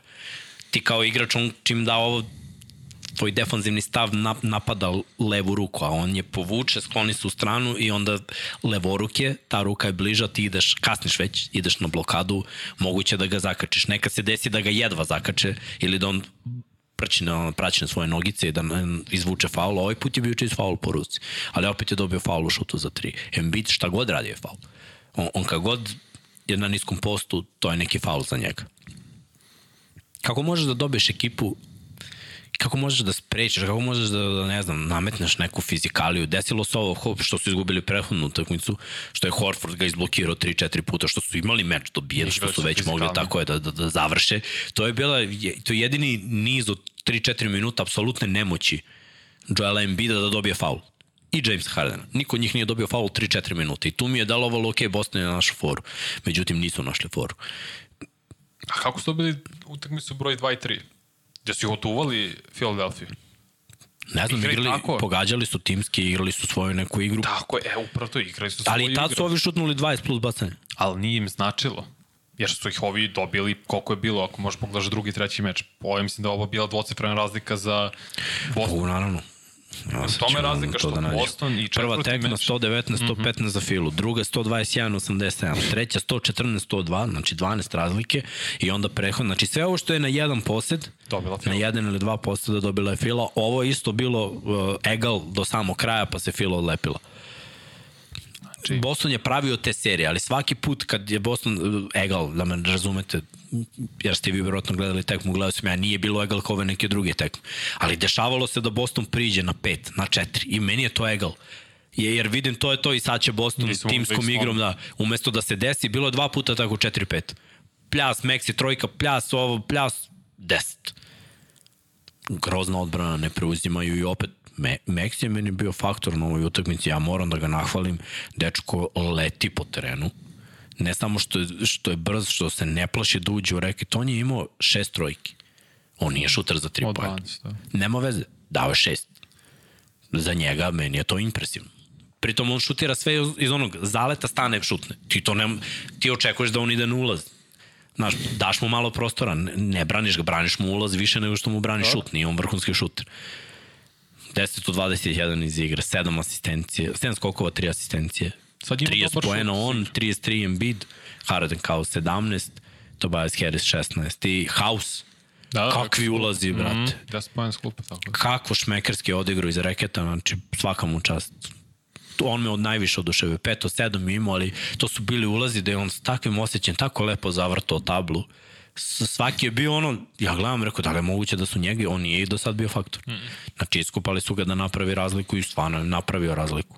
Boston ima blueprint, ima recept kako da pobedi Filu i da ih, ne da ih pobedi, nego da ih otrese. To su radili. Drugi, treći meč, nebitno da li kod kuće ili u Filadelfiji. Tako moraju da igraju i večeras ako misle da ostanu u seriji. Jer nemaju opravdanja, imaju bolji tim, cele godine igraju bolje maltene od skoro svih, sem od Milvokija koji je isto ispo, ali bilo bi sramotno i razočaravajuće da Boston ispadne u drugoj rundi nakon NBA finala sinoć i nakon što su mnogi bili em, favoriti za titul ove godine. Da, pazi ovo. Mislim, ljudi se ovde slažu, 71% je da Fila ne završava. Mm -hmm. uh, Nemanja Rakanović kaže Boston mnogo košta neozbiljnost, oni su ti koji izgledaju kao Filadelfija iz nekih prehodnih play-offova. Slažem se, to smo i pričali. Amen. To smo i pričali. Bukvalno, Oni su mogli da, da počiste Filu. mogli su Atlanto početi za početak. Ok, da. No, kad, Što im je Atlanta uzela dve tekme. Na gluposti, na njihovo opuštanje. Vodili su 3-0. Uh, 3:0 su vodili. Jel da, da. I onda 3:2. 1, 3 Ok, možda jeste bilo 3 Nisi, nevažno. Ma da, dve Atlanta da ti uzme to, nema, nema smisla. Već je tu ono, crvena zastavica, sve treba sirene da se upale. I onda si ti mogu da počistiš filu, ali na kraju, poslednjim momentima u utakmici broj 1 i 4, ti praviš greške nekarakteristične za tebe, prodaješ lopte, daješ lake poene, to jest dopuštaš lake poene i gubiš. I čao zdravo. Da li mislite da je Tatum kriv za ove poraze Bostona? Nije samo Tatum, ali kriv je i Tatum. Treba svi da snose krivicu. I trener i Tatum zamisao da Smart rešava dve utakmice. Da, to je uh, pored Browna i Tatuma takođe. Loši šutevi u nekim momentima s linije slobodnih bacanja, uh, previše silovanja i previše oslanjanja na šut za tri poena od strane igrača koji nisu ono šuteri, Dajem, trojkaši. dajem najveći procenat Tatum, zato što je on dva puta vraća To. loptu Smartu. Pa gledaj, uvek najbolji igrač mora da snosi Mora najveće. to, e. Trener i najbolji Tako je. igrač uvek snose naj, najviše krivice. Mislim, to, to mora tako. Jer je počinjao on mečeve da je krene 0 od 8, 0 od 5 iz igre i tek posle se iskopava iz toga. Ne Kažu, tako. kažu i Horford je loš. Horford je katastrofa. Horford mora da ima 10-10 minimum. Kad je imao posljednji put double-double u play-off? Pa, brate, da te ne lažem, ne Ja znam. probat ću ja da nađem ti, se bavi, bavi pitanjem da li je bao Pogađaju neke šuteve u ovoj utakmici koji su izgubili jedva, ovaj prehon. Mm -hmm. To smo gledali, ovaj, imao je neku trojku je pogodio to, ali opet malo, najviše igra taj pop ili, ili je odmah od samog starta van reket, što ono. Uh, Alene Vanja ne mrzi Jokića, znači nemoj Ima protiv Atlante nikad to, 10 pojena i 12 skokova. znate, niko to nije rekao, nije ni Vanja. Šta? Kaže zašto Vanja, što Vanja ne, mrzi Jokića, ne, ne ga Vanja ne, Jokića. Ne, ne dižem u, u nebesa kao svi ovde, tako je. Ali ga branim pred američkim medijima. Inače, Vanja stavio da Denver je u finalu sa Bostonom. Tako da, Vanja veruje u Denver i veruje da, da je Jokić najbolji centar u NBA, tako. Tako je, pa da. Svi, svi smo svesni ovoga, evo sad ljudi pišu NBA, bla, bla, koliko poena i sve to. Mi smo svi ovde na strani Jokića i navijamo za Denver. Pazi, u najgorem slučaju da se razumemo. je Nego Vanja. Vanja je taj lik koji uvek hoće od svog od igrača za koga misli da treba da bude najbolji, Vanja hoće da on bude na nivou Michael Jordan. I onda traži savršenstvo. Ne, ne, ja, Kobe Bryant. ne, ne, ne, ja sam, ne, ne dižem Jokića u nebesa, Nebesa, kao većina ovde. Ja, za mene Jokić Ne moramo da ga dižemo top u nebesa, ali dovoljno je da kažemo da jeste najkompletniji igrač i centar u NBA-u. Jeste, apsolutno. Ja kažem, on u najgorem slučaju top 3 igrač u NBA-u. A to je najgori slučaj, mislim, na svetu. Kako god, ako sam ga i meni nije, kad gledaš najbolji centri na ikada, meni nije u 7-8. Ja nema titul, Dobro, to da. fali, Jokić fali uspeh u play-offu, ništa više. To ikada to polako ima vremena za to. Ima, ima. Tek je, na, tek je loading na početku O. karijere čovjek. Nije na početku, prošle, pola. Ma šta, pola si lud igraće. Sa tom istinom možda igraš još 10 godina. Uh, ajde, kraj ankete, 98 glasova. E, sad mi stiglo obeštenje, Drew Holiday dobio nagradu za najboljeg sa igrača godine. Kako se zove taj nagrad? Ono je best teammate. Tweeman Stokes teammate of the year. Ha? Zvuči cool ta nagrada. Da. Dobro. Jel ima dalje? Možemo da idemo dalje, prekinuo sam ovo. Ljudi Ajde, smatraju da... Verujemo svi u Boston, da, i dalje. Kaže, jel po vama ovo najzanimljiviji playoff od onog Dallasovog prstena? Pa dobro, ima bilo dosta dobrih, dobrih ovaj playoffova. Kavaj, on Toronto, pričao to je bio baš To je bio dobro, ali ima ih mnogo. Ne, mogu, ne mogu tako da odvojim. Miami San Antonio one godine što je mm. realan pogodio te taj playoff mi isto bio dobar. Pa i ovih posljednjih u stvari prvih par uh, Cleveland Warriorsi na obe strane kako se ovaj A meni tu istok bio slabiji, uvek. To je baš bio istok mi bio ono, koji su bili glavni rivali tada, Toronto koji je bio uvek u, u ono, u, u stanju Pa, Chicago sa Roseom. To je ono To je taj- Miami. Nije to baš Cleveland bio. Da, upravo si. To je Da, već bio Rose posle da, da. povreda kad je dao ono. Ali Indiana je bila dobra, imali su dobri Danny A to je Granger. bilo Miami, isto. I to je bilo Miami. Da, da. Pa igrali su protiv Clevelanda jednu seriju. Sa onim Hibert je tako bio centar. A Hiber, ali Danny to je Granger. Miami, ne znam da su igrali ovako. Pa nisu igrali, nisu igrali, nisu igrali međusobno, ali to bila Indiana nekoliko godina. Pa da, bilo je 2012.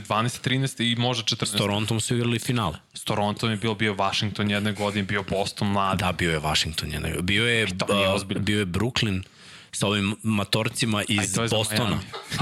To je Miami. ne. Jeste, jeste, evo proveri, 2012.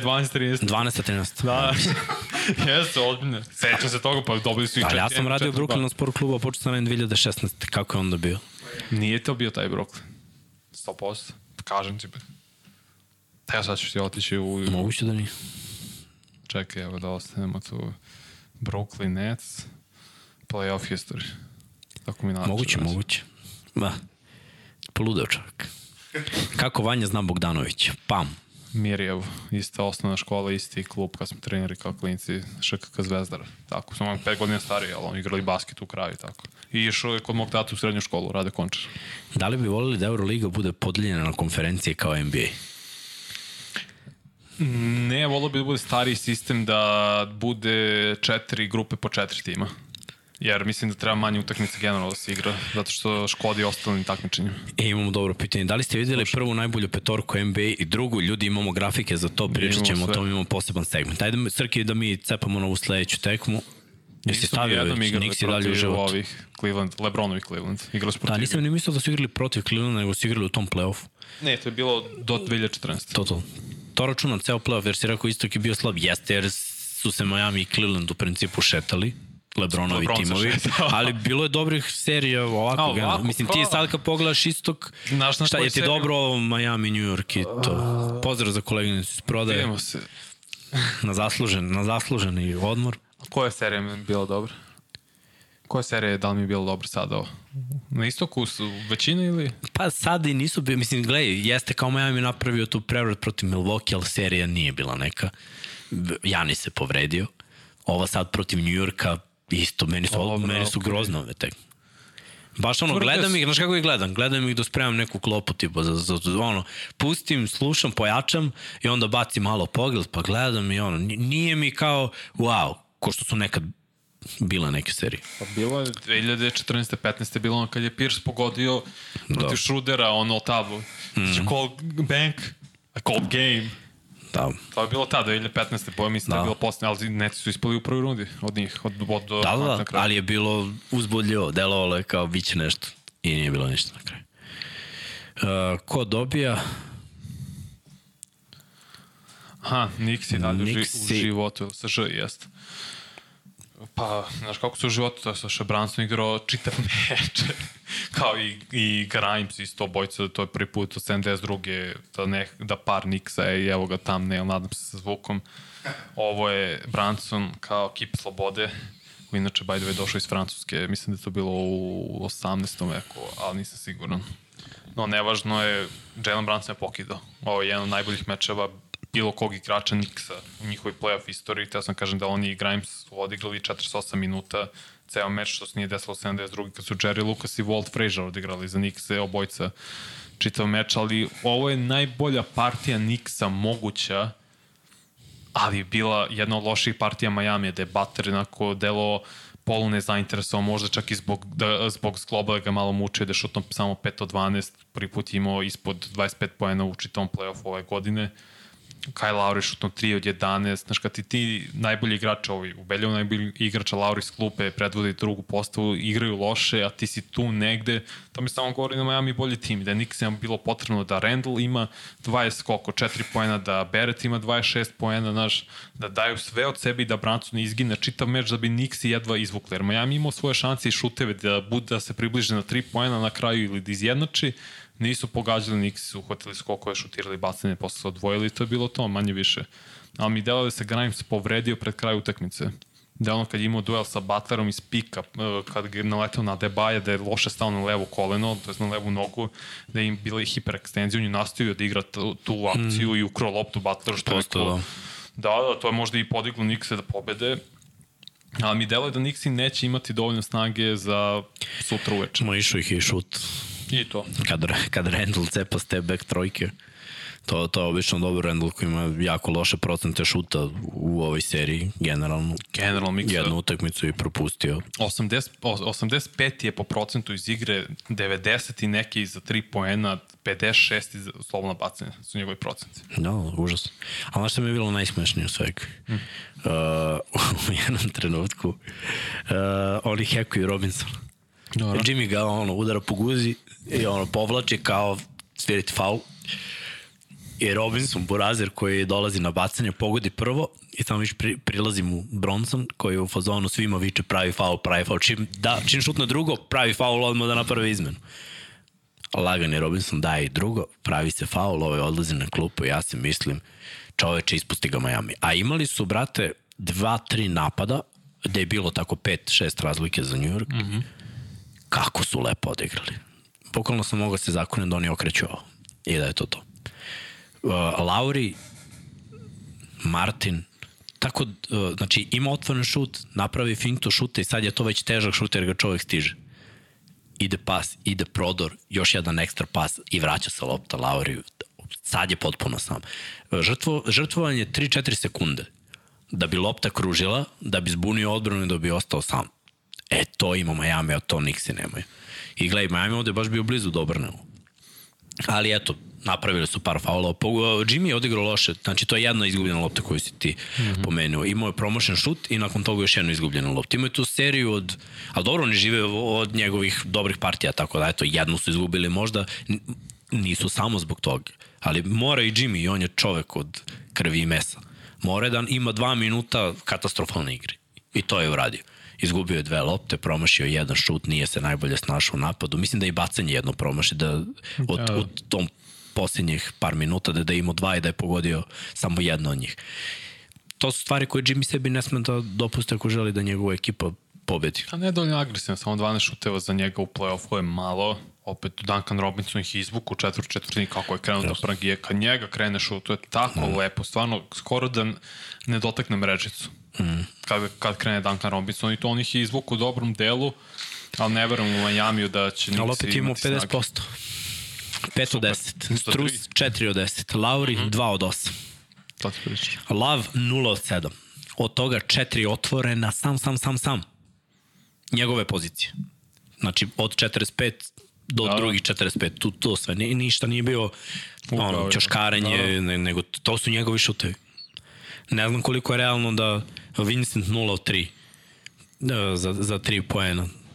Butler nije ni šutirao trojke na ovoj utakmici. 2 od 4 Martin. Ja ne znam koliko je realno da oni ovako loše šutiraju. 43 da šutnu, 13 da daju. Zato ti kažem, igrali, Miami igrao jedan loših mečeva, Nix igrali jedno od najboljih utakmica i opet bilo samo devet razlike i Nix izvukli pobed mm. i produžili seriju samim tim. Finish treće četvrtine, tu su oni napravili razliku mm -hmm. i tu su se izvukli. Ovaj, Ali ovde svi misle skoro da, da baš malo ljudi misle da, da Nixi mogu da dobiju.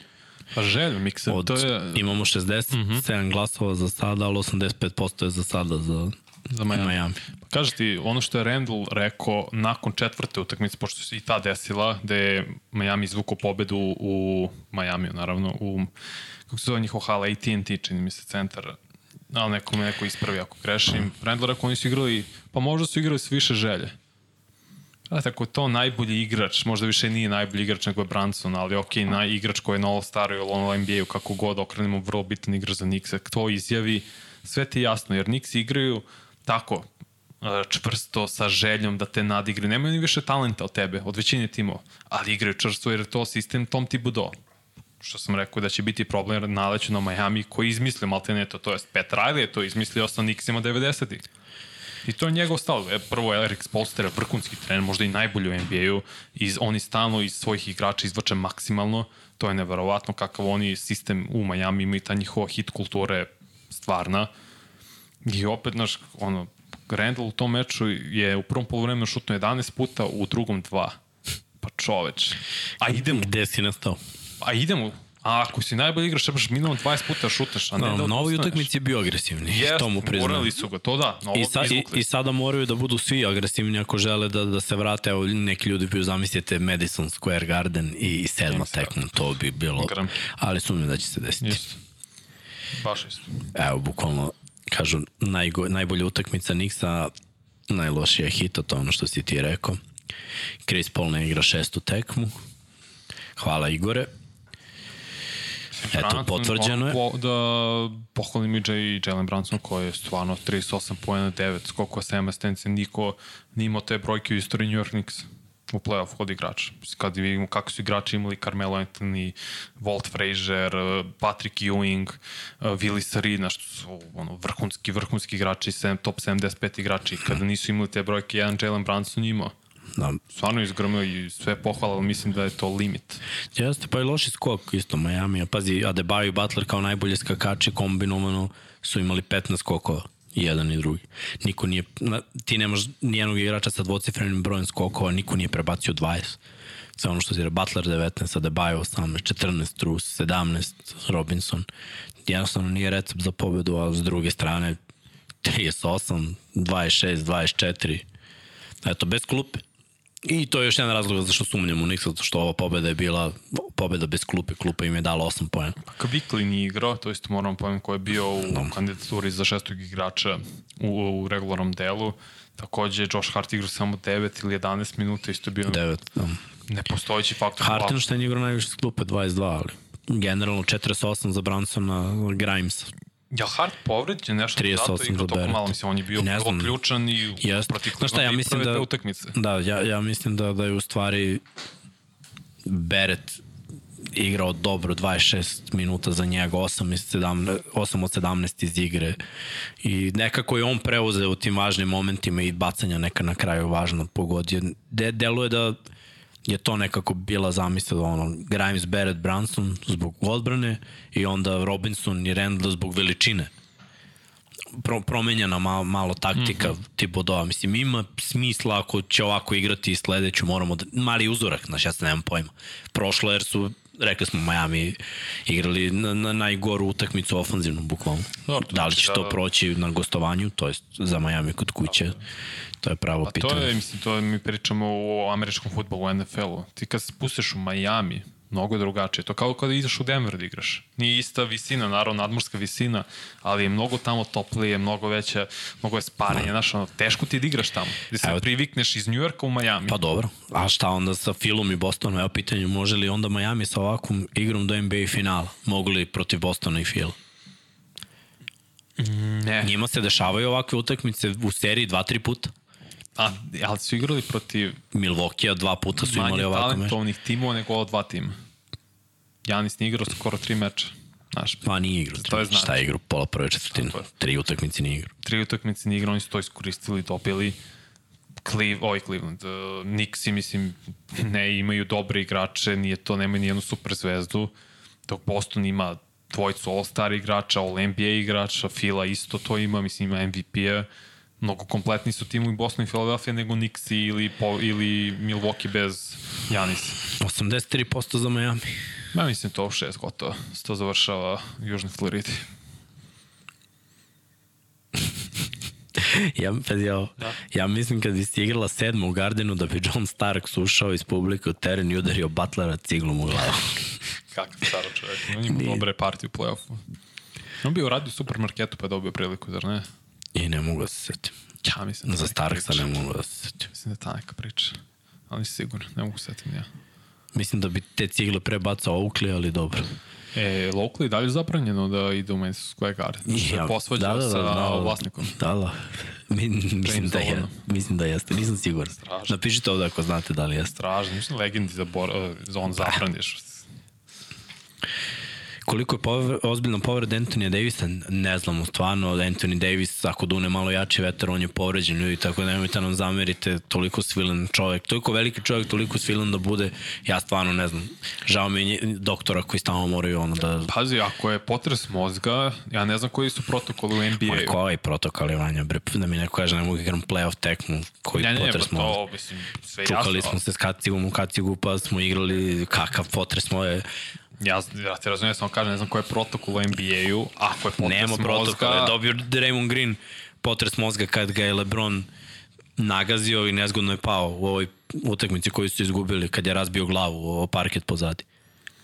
Tako se dobio potres mozga, samo ti kažem. MB nagazio? Ne, ne, ne, ne, ne, Golden State i Lakersi i kontru kad je bacio Steph, ne ovu tekmu, nego prethodnu. Četvrtu, dobro. Da, i kad je uhvatio Green u kontri i Lebron kako se postavio, nez, nezgodno je ušao u njega i Green izgubi balans i pada unazad A, okay. i udari glavom o parket, to ti je 100% potres mozga. Nema ništa tvrđe od parketa i terena kad udariš ovako pozadi, kad se razbiješ. I vidio si njega drži glavu u tom trenutku, u glavi ti a ovako muti ti se slika, razumeš? To je potres mozga i vratio se posle 5 minuta. Pa dobro, to je Draymond Green, ovo Anthony Davis, ne znam mi, mislim. To ti kaže da Anthony Davis, brat. Tako je, trepavica u oku, dve nedelje. Šta je ovo ti da je izašao na kolicima, brat, nije nastavio meč. Pol. I mogo. Strašno. Uh, Mateja Nenadović, dobrodošli u Svetioničar, početnik, dobrodošao, brate. Naravno, postanite svetioničari. Ako želite, podržite nas, članovi naši na YouTube-u. Što ne igra Diro za Nix, može da doprinese iskustvu, nemam pojma, ne, čudne su rotacije. Thibodeau nije igra Tibo, Mislim, on je Thibodeau igrao i u Minnesota, tako da ono, zna ga koliko može da doprinese, ali verovatno samo kao savjetnik s klupe za sada. Uh, Miksa, da li je neko od vas dvojice sneakerhead, ako da, šta je najviše u kolekciji? Pa, mislim da smo obojica, nismo da. bolesni, što se toga Nemo tiče. Nemo sredstva da budemo Nemo, da, da, da, da se razumemo. ovaj, a, ali uh, ja, ja volim patike za basket volim od malena i dalje imam neke, neke patike uh, dok sam trenirao košarku još koje su 20-25 godina stare. Kako su omiljene? Omiljene patike koje da. su te, one Iversonove sa Rajfašlusom koje imam i dalje, one su na vikendici. U, Sad ih ja, nosim na vikendici. Simo crne, nisi mogu da menjaš kao sličicu, ubaciš logo NBA tima. Da, ja imam one, ove, te su, uh, Rajfešlus imaju preko, da, da se stavi unutra je uh, uložak George Bulldog i Iverson, a imaš da, da okrećeš onaj točkić i on pumpa patiku. Da, da, znam, ne, ne, ne, na duo. To mi je bila omiljena patika. To sam molio mamu da mi kupi, sećam se. Njih sam, njih sam obožavao. Takođe Kobijeve sam imao sve. Sve. Koje je omiljene? Koje su mi omiljene? Uh, prve Adidas one sa prve Adidas mm -hmm. što su imale crne sa, znam, sa, sa tri. Te su mi bila najbolje. Posle sam imao ove svemirske, sledeće i onu i, i karton i ono u sredini. Nosio sam naravno jer sam poštovao Kobija. Uh, sad trenutno najudobnija patika koju imam je zapravo Lebronova patika koju sam kupio da igram ovu biznis ligu.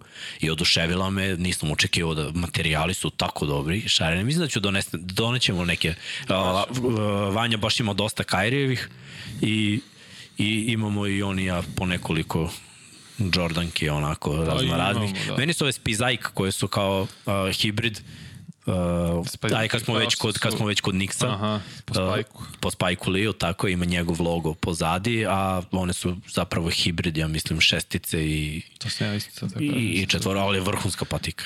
U bojama Baltimore Ravens. To, da, to, to, to mi je jedno, to mi je jedno dominje, ali volim, mislim generalno volimo patike i Vanja. Ja i da se ne izlanem, ali radimo na tome, a? Nemo se izlaš. Radimo na tome da neko podrži tu našu strast, jer ja verujem da ovde ima dosta ljudi koji vole. Pazi, ja sam patike. volao End One, baš. Kao mali End One sam One su bile obožavao. najjeftinije. Imam KD patike, imam, u njima sam igrao, one su se odlepile pre nego što sam kupio? Lebronove.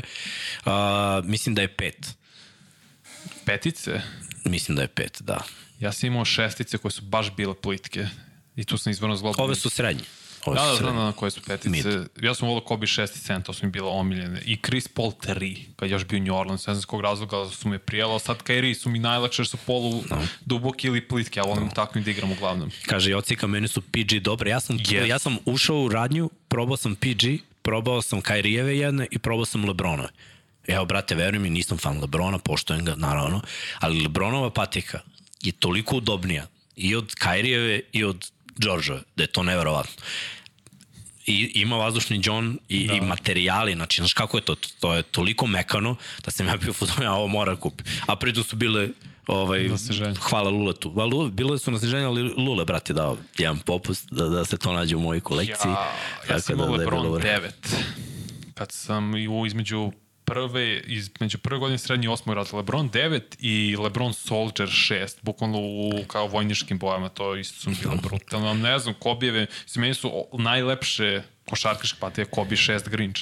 To su mi one zelene za Bože mm. nosio kad se vidio tu sve, rekao, te su patike najbolje koje sam ja video, najlepše za oko Ja malo više volim ove old school. Evo baš imamo pitanje ove što je nosio Sean Kemp, kamikaze. Nisam, Reebok sam prvi put kupio patiku kada je Iverson izbacio. Tad mi je bilo prvi put, prva njegova patika. Mm -hmm. Tad sam kupio, mislim, dobro, Iverson sam, sam voleo baš, ali onda posle sam najviše kupovao od njegove patike i Kobijev.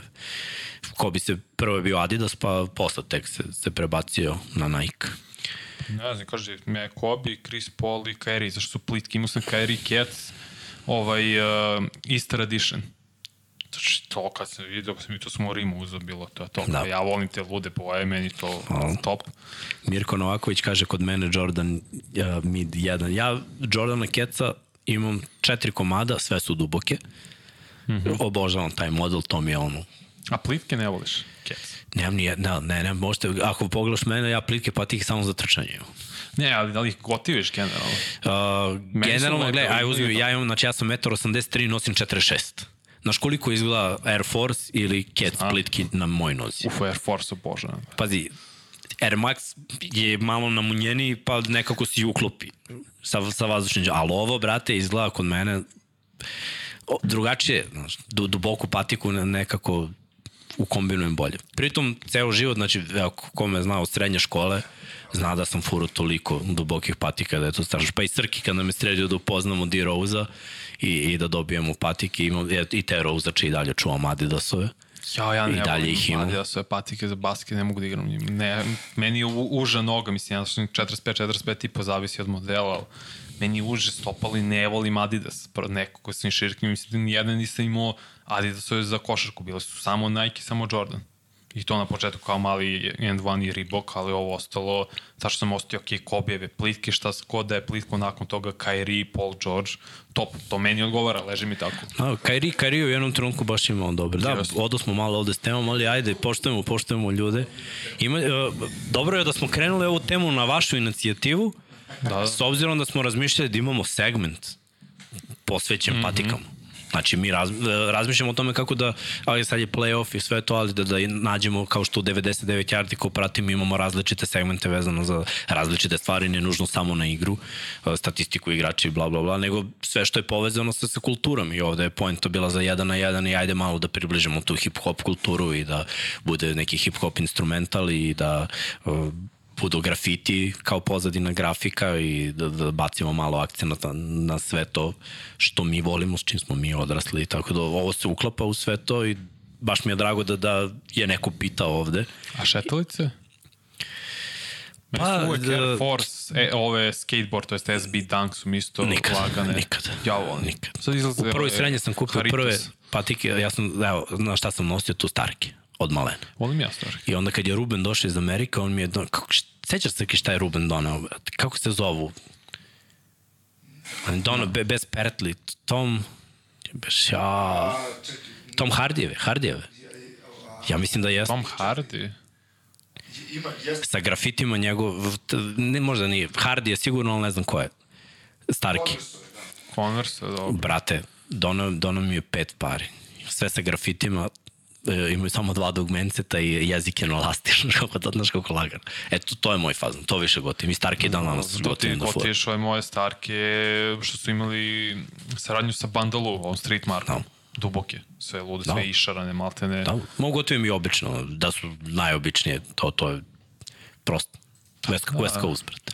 Zori, jes. Karera šulja i Starki. Ne znam, meni kažete i Air Force, SB-eve, duboke, plitke. Kaže, ocika Lebronova svaka neudobna. Nisam probao ni jednu, osim ove, i mogu da ti kažem, Kažeš ti moje da probaš Da. da. 18 ove, što su zelene. ove su me oduševile, ba, baš sam se Nije, nije, oduševio. ne, nisu ne, da si čudne su Lebrone, zavisi koji model. Opet, meni osmice i devetke kidaju i ovo kasnije isto su mi fenomenalne. Kaže Dražen Žarić, pa vi momci imate u protivrednosti jedno tri golfa u patikama. E, znači, nije dođe nekih većih para, kaže ti, lagano 50k bi išlo na patike u Flight Club New York. Znači, bio, bi, znam bio, bi bio bi PJ Tucker, a? Da, kaže ti Flight Club u New Yorku i njihov sajt generalno, to su sve patike, kao možeš ti zamisliš. Znaš da go... Čuo sam, meni Flight Club malo bolji, ne znam zašto. Meni. Ovde se ljudi trguju s patikama.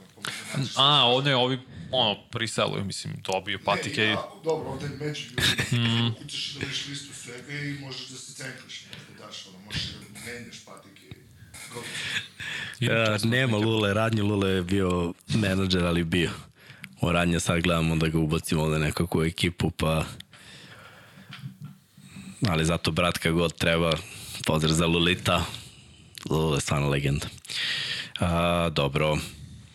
Ajde, ajde idemo, idemo dalje, imamo dosta, treba i Luka Kuzma da snimaju posle, pa da gledamo do... Ovaj playoff kostur koji možemo da vidimo, mislim večeras igraju i Denver i Phoenix, 3-2 za Denver, kao i Philadelphia i Boston, znači i Fila i Denver imaju priliku da zatvore seriju i da prođu u finale konferencije, što bi za Jokića bilo drugo finale konferencije, za Bida prvo, pošto i dalje ono takmičenje između njih dvojice ko je najbolji centar, ko je najbolji igrač u NBA-u, a ove ostale utakmice su igrale sinoć, Golden State opstao, preživeo, 3-2 gubi i dalje, peta, to je šesta utakmica igra u LA-u, petak na subotu, kao i isto za Knicks i Miami, Južna Florida, petak na subotu, tako da to je to, ubrzo ono, playoff kostur, Srki slobodno donesi Da, stavi četvorku slobodno. stavi četvorku i donesi ovaj, Mora Srki da mi donese Punjač. punjač, jer... Uh, tu je u torbi u unutrašnjoj pregrade, ja mislim. Da, da, a Odlično. do tada o čemu želiš da pričam? Može, pusti, pusti, znam. Prošle smo... Šta? Njihov, njihov. All NBA, All NBA. Stavi na, na... Daj grafiku to, pa mu dodaj punjač.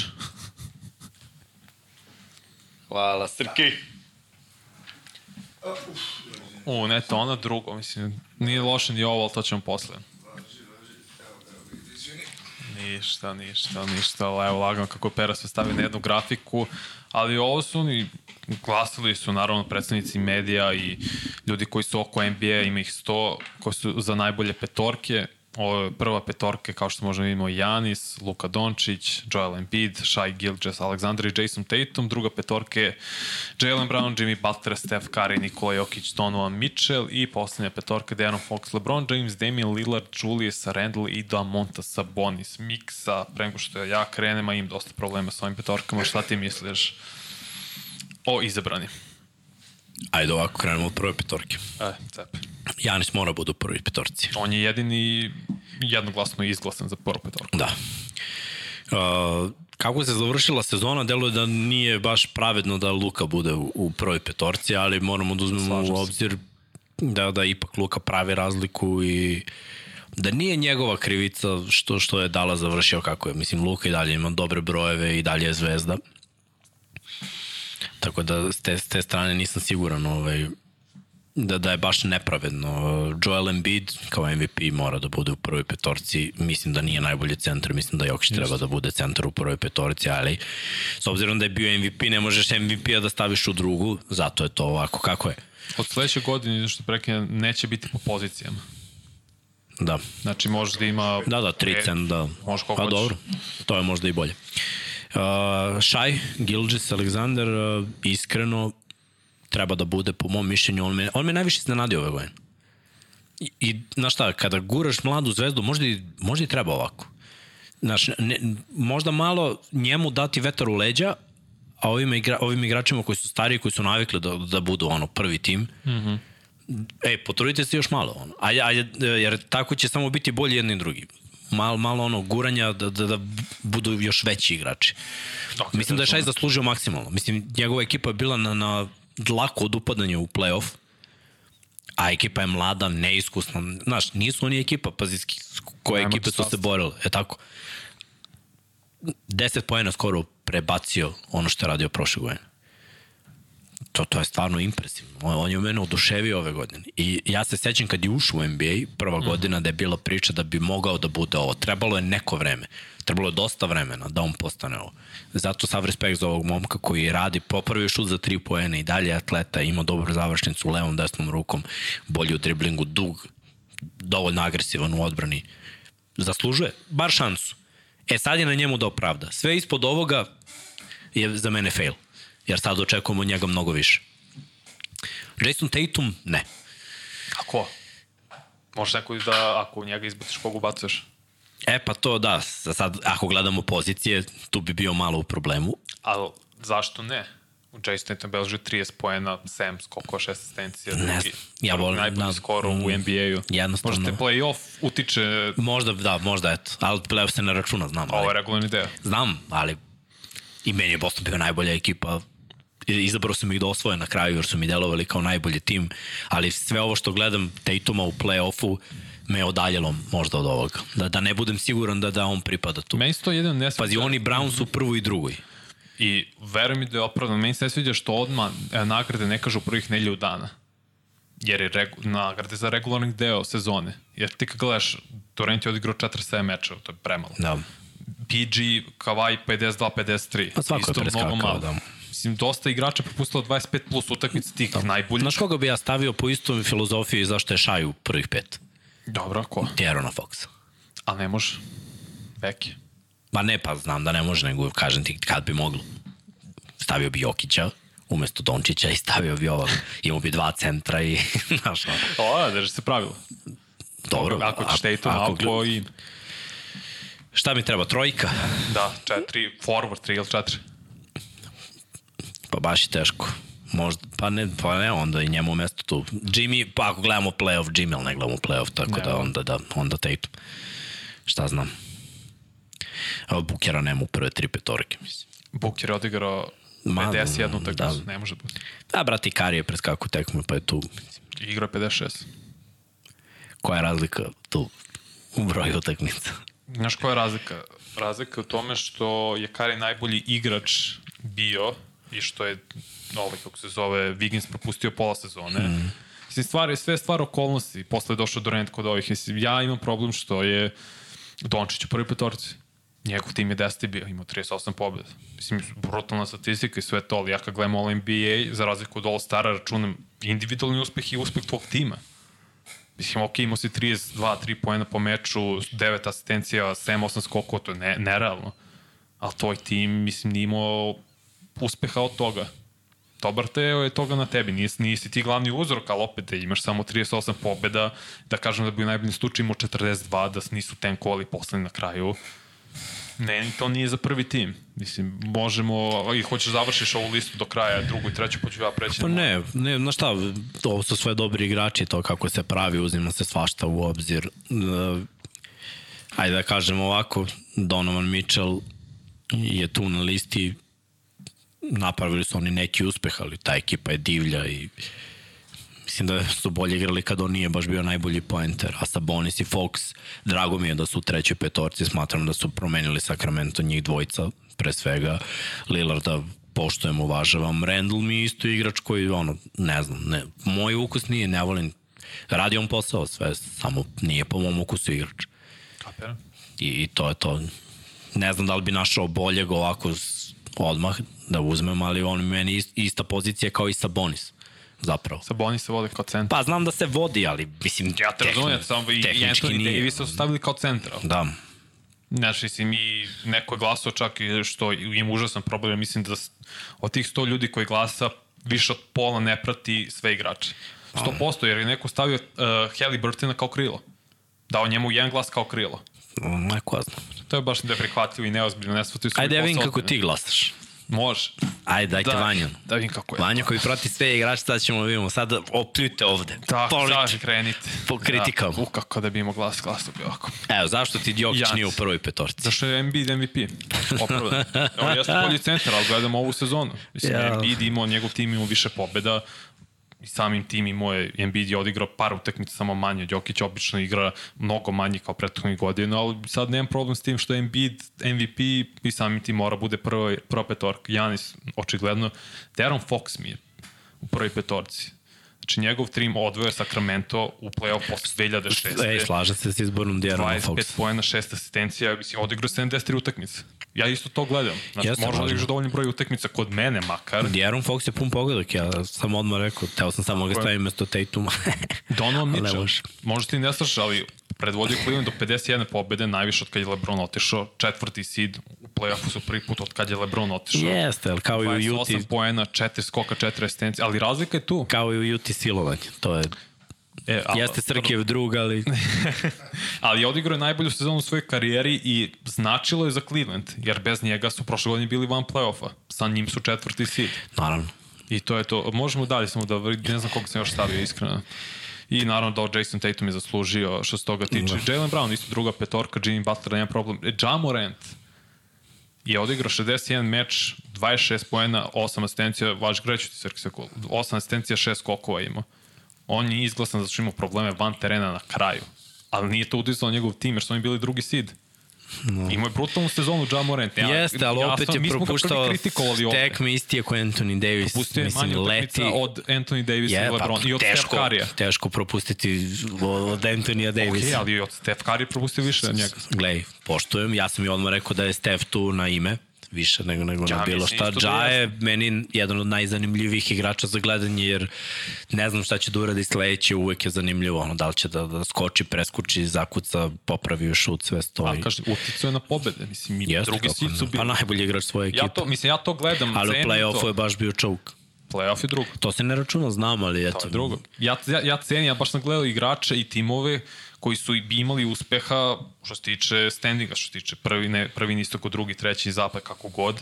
Možeš da imaš uticajan broj pobjeda. Ako si All NBA, za All-Star je drugo, mislim da to striktno individualno. A ovo je vezano za, us- za tim uspeh, Da, da. za uspeh s- sopstvenog tima. Zatim ko je još Shai isto u drugoj petorci, jer opet Oklahoma City ko je bilo? Nije, nisu ušli u play-off. Nisu, ne, ne mogu. Mislim, Jokić Mogu da je tu- razumem taj razum, znaš. Ja Isto kao što mogu mogu. da razumem i onaj gurniji igrača koji je Ok, zaslužio. ja ga govorim, druga petorka. Mislim, imao brutalnu godinu, 32 poena je beležio i imao i odbrani uh, 1,6 ukradenu blokadu po meču, za, ne znam zašto Za nije bio u defanzivnom timu, iskreno. Je tako? Da. Mislim, meni je on najveće otkrovenje ove sezone. Ša je pokidao, ali ne za prvu jer fali timski uspeh. S druge strane, Drew Holiday, ja ne znam kako Drew Holiday nije bio u bilo kojoj petorci. Najbolji, jedan najbolji defanzivac, drugi najbolji igrač u šampionskom timu, mislim u zapravo u timu koji je bio najbolji u regularnom delu, 19 pojena, 7 asistencija, 5 skokova, brutalna odbrana. Ja ne vidim razlog zašto on nije u nijednoj petorci. Makar u trećoj ga stavi, zato što je stvarno neophodno da bude, jer to prinosi maksimum 58 pobjeda. I samo Janis da bude, to je ono baš neprihvatljivo za mene makar. Ko je još bio Srki? Edwards, Steph. Anthony Edwards, ako Steph Curry okay, zato što nemam beka koga da stavim više. Steph Curry Edwards je zaslužio, isto je igrao dosta i Igrao je vodio je 79 svoju ekipu, uveo ih u play-off, mislim, on je tu glavni igrač. Bez Carl Anthony Towns koji je propustio 53 utakmice. Ja Da. da. to nagrađujem, jer da je Carl Anthony Towns igrao 30 od tih 53 što je propustio. Ja, vez, Anthony je... Više pobjeda, samo to hoću da naglasim. Ali Anthony je glavni igrač tu Tako je. u ekipi. To, Tako to, je, to se izvaljuje na, na keca. Da, da, i Julius Randle ne gotive ga svi, ali opet čovjek je odigrao 77 utakmica, 25 pojena, 10 skokova, 4 asistencije. Ima doprinos u regularnom Ima. delu. Znaš šta, meni se ne sviđa zašto je on od svega pomalo. A do, ali to je dosta. Pa da, ali ni u čemu nije ono, iznad 50%. To mene u stvari nervira. Da, 25 pojena je dosta. brzo.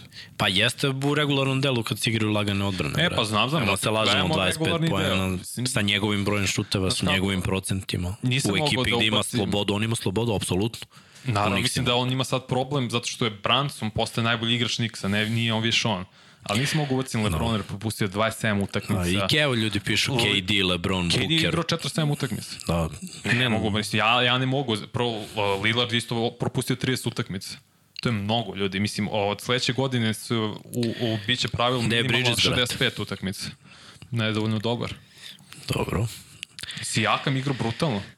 Ali Jeste. ko ne prati Toronto, mislim, Sijakam imao 24 pojena, 7 sko, 8 skokova, 6 asistencija. Pa pre bi stavio si Jakama nego Randla, iskreno. Ali dobro, to je već Slični individualni ukus, da. Slični su, stavio sam Randall zašto Knicks imaju timski uspeh. Da, pa A dobro, i Toronto ovi su, da kažeš. ti bio 10, a ovi Da, 5. da, ušli play-in.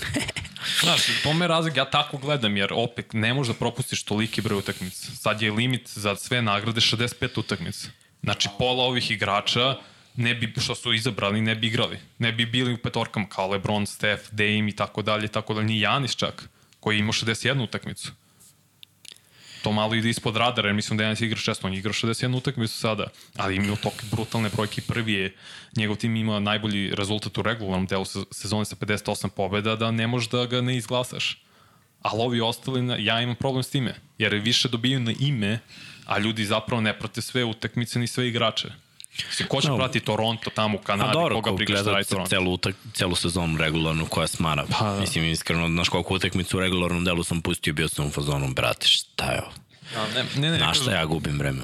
Ne, okej, okay, ali makar uradi posao kao novinar što oni jesu i da. plaćeni su to da ispratiš sve, makar izgooglaj statistiku i vidi koliki je uticaj.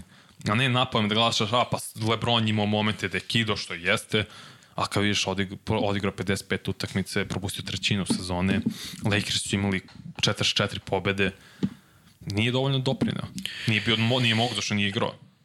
Ajmo, ajmo dalje, da vidimo taj All-NBA koji si spremio, koji je Srki pustio, to su igrači sa najviše All-NBA Selekcija. Odabira. odabir, pa da selekcija bolje.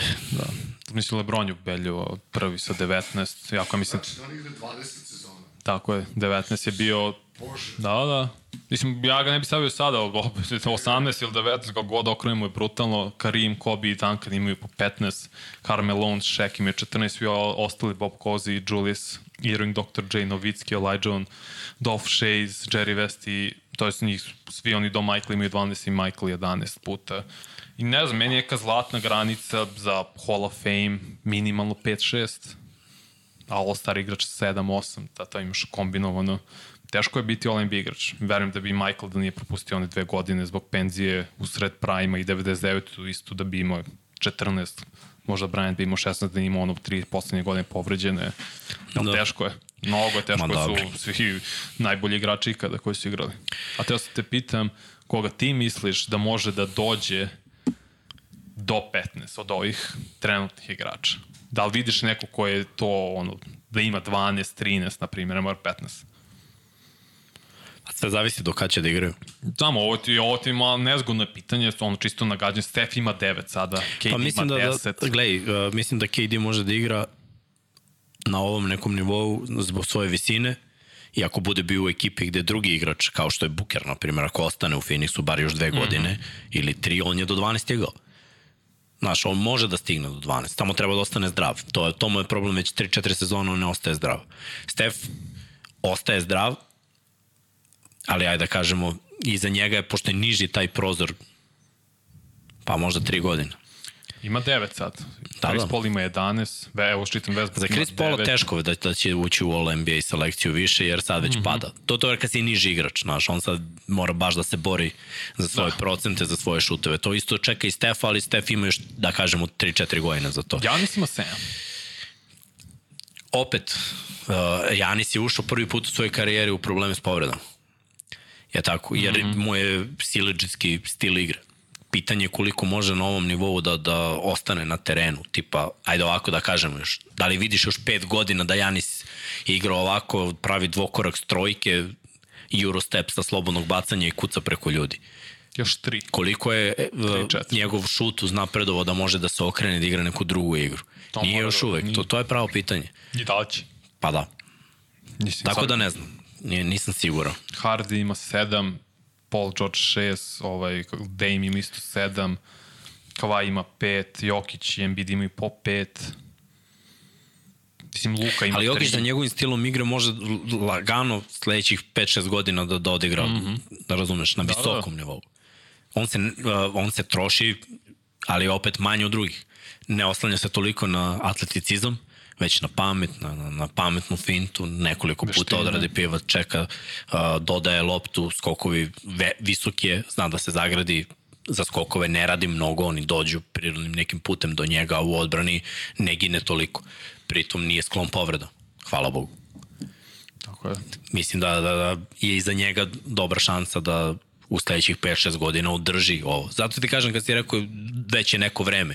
Za mene je ovo tek polovina njegove karijere. Ostaje još polovina. Kad si visok igraš, duže možeš da igraš na visokom nivou. Evo Dirk nije se kretao posljednje 2-3 godine, ali uspevao da ostane u, u, u ligi nekako.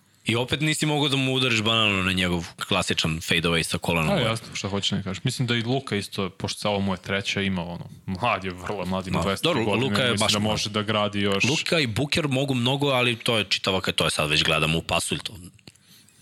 Ne znam. Če kažu ljudi. Možeš samo da izvojim, bilo mi zanimljivo i baš se nisam složio s nekim i...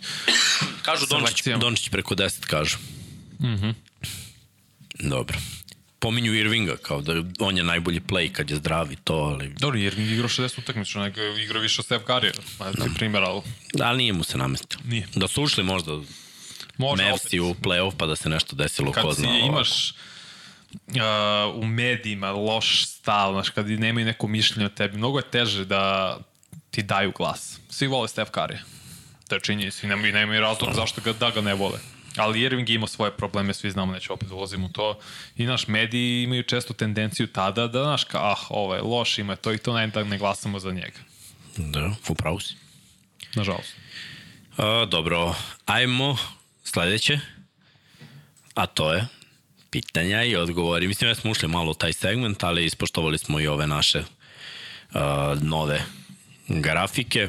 Vanja je prošao te petorke, to smo prokomentarisali, sve smo prokomentarisali, sve individualne nagrade, sada i ova priznanja i možemo da, da odgovaramo na pitanja nekih 10-15 minuta pa da privodimo kraju. Prvo pitanje, je li Stef tradicionalni play? Pa ovo nema veze s tradicijom, ali je meni Stef najbolji play u ligi trenutno. Zašto? Zato što može da završi i levom i desnom rukom, i levi i desni ulaz, ima dobar šut, ima najbolji šut u istoriji NBA lige za 3 poena, mm. najviše trojke u sezoni i mislim da od prva, prvih pet mesta da je on u 3 od 5, ako se ne varam, mislim da je Clay tu jo- još dva, ali možda i, i Steph.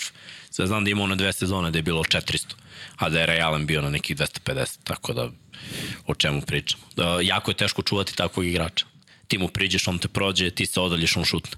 Moraš da ga čuvaš, to je Lebron pričao, moraš da ga čuvaš od momenta, on kada pređe pola, ti već moraš da ga čuvaš, zato je njega, za njega to zona šuta. Da. I ti se toliko trošiš da, da je najbolje staviti igrača koji uopšte ne igra u napadu. Znači da se neko fokusira samo defanzivno na njega. Ubijati jednog igrača iz petorke da bukvalno ćoškari u napadu i da ne igra ništa. Koliko je to opasno zapravo. Pa je on najveći talenta ikada, mislim. To je prosto promenio igru. Stava, ne može da tako najbolje da finiš Steph Curry jeste trenutno i dalje najbolji playmaker. To mu je pozicija.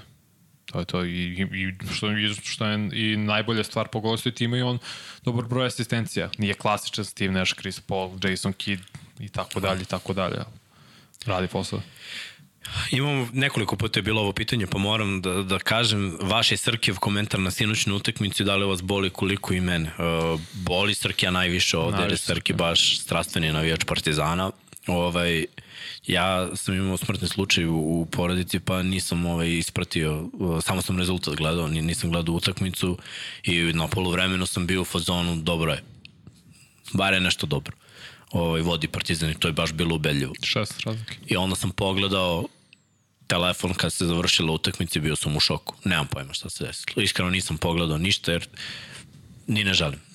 Slušat ću večeras Luku i Kuzmu, pa ću da čujem ove, i njihove neke utiske, isto šta, je, šta se tu sve izdešavalo, ali nije prvi put, gledao sam ove sezone mnogo puta Partizan, bilo je mnogo dobijenih utakmica koje su izgubljene na kraju.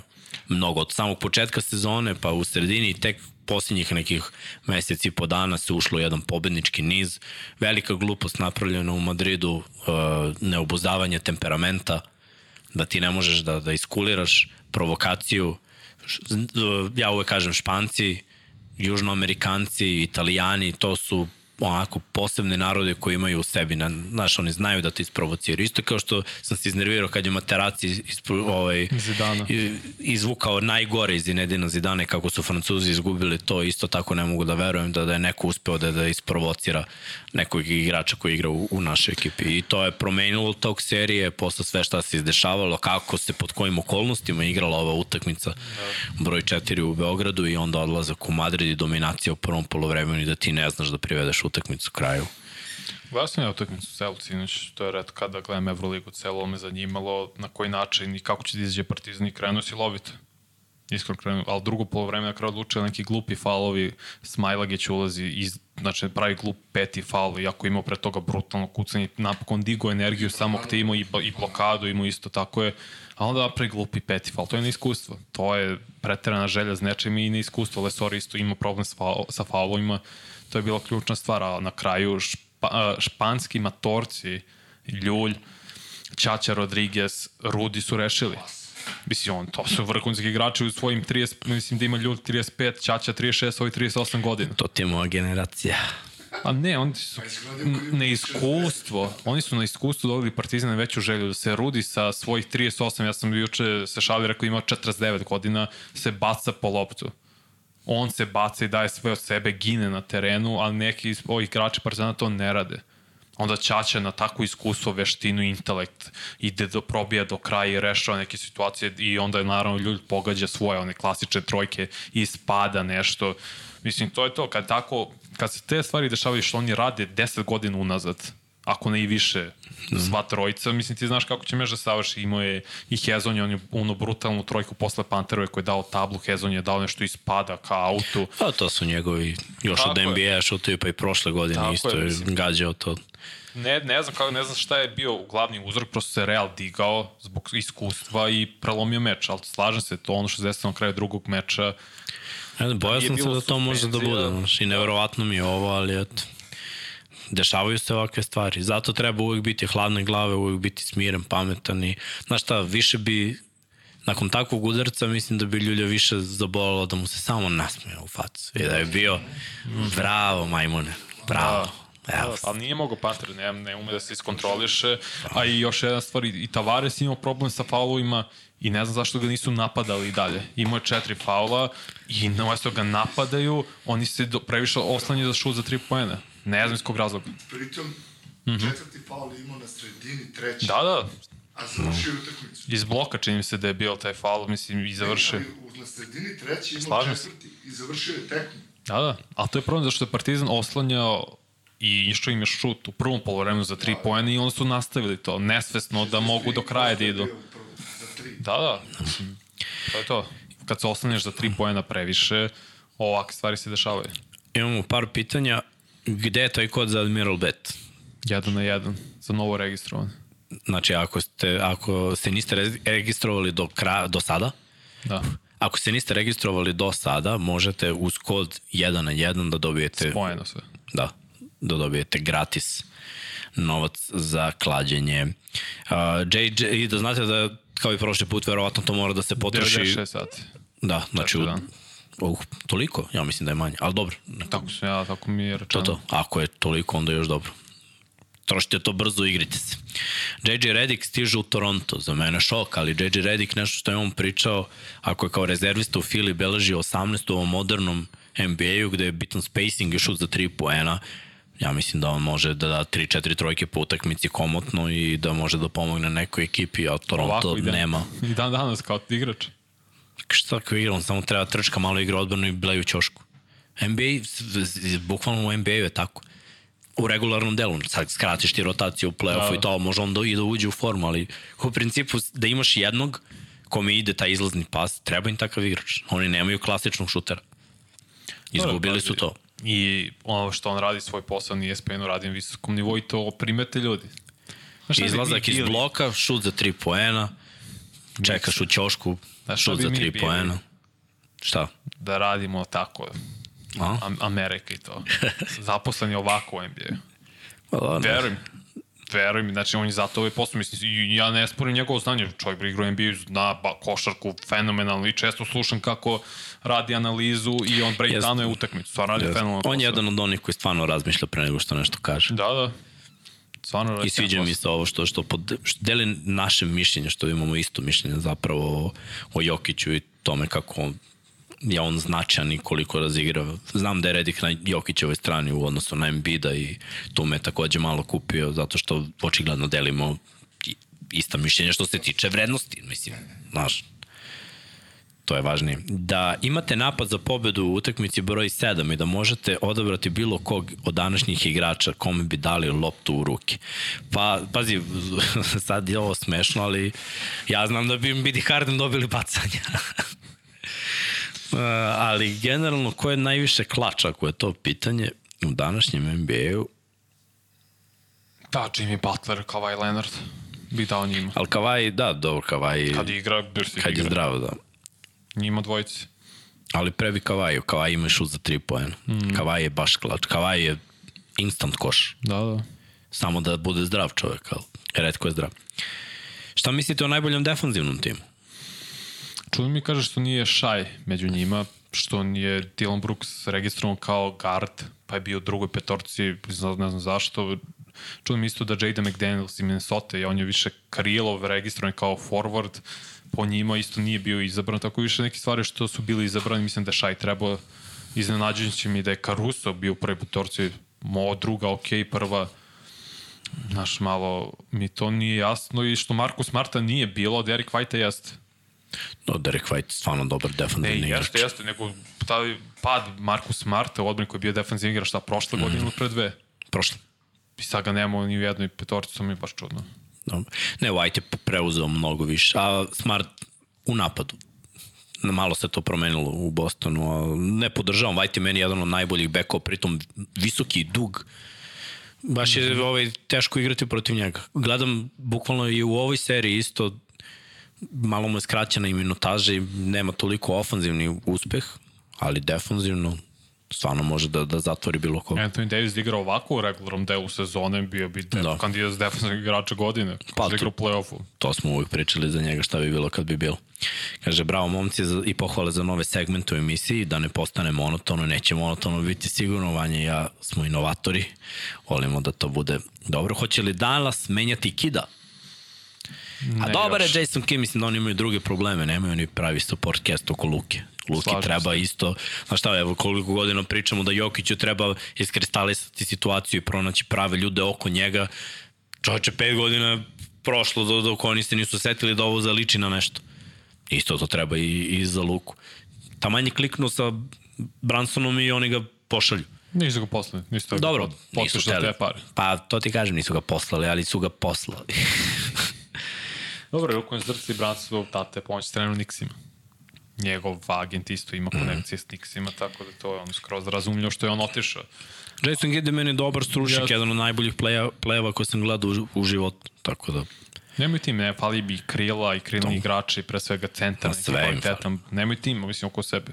Oni su bili presrećni kad su ušli u finale konferencije, što prošle godine je bilo, i misli su da je to to, da je samo potrebna super zvezda. Oni su dali pola tima za Kairija, možda pogrešnu super Mam, brate, i dva igrača ne mogu da, da igraju dobro kao pet, mislim. Ne mogu dva igrača. To nije više Zavisi taj koja. era. Pa nije više taj era.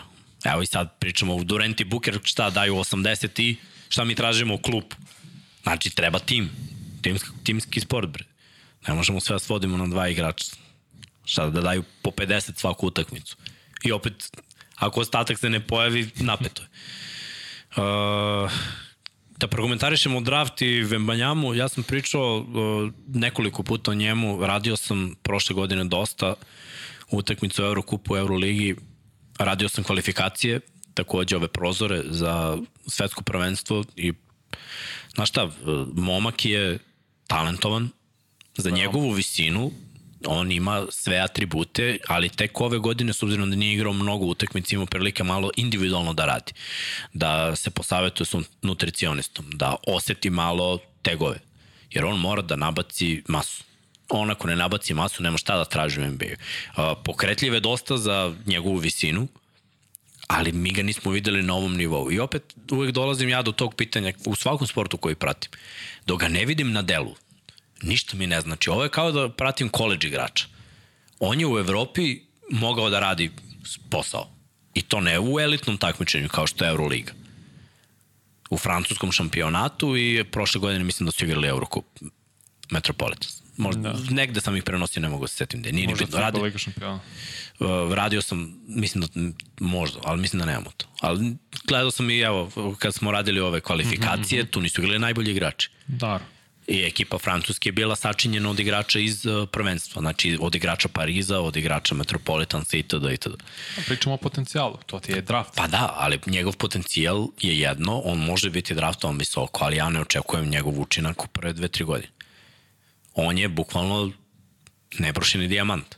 Ti ako ovu visinu, a prvo moraš da ga, on nikad nije igrao veliki broj utakmica, on mora da bude doveden, kako kreće trenažni proces kod profesionalnog sportiste. Ti moraš da dovedeš svoje telo uh, da bude spremno da izdrži stres utakmica.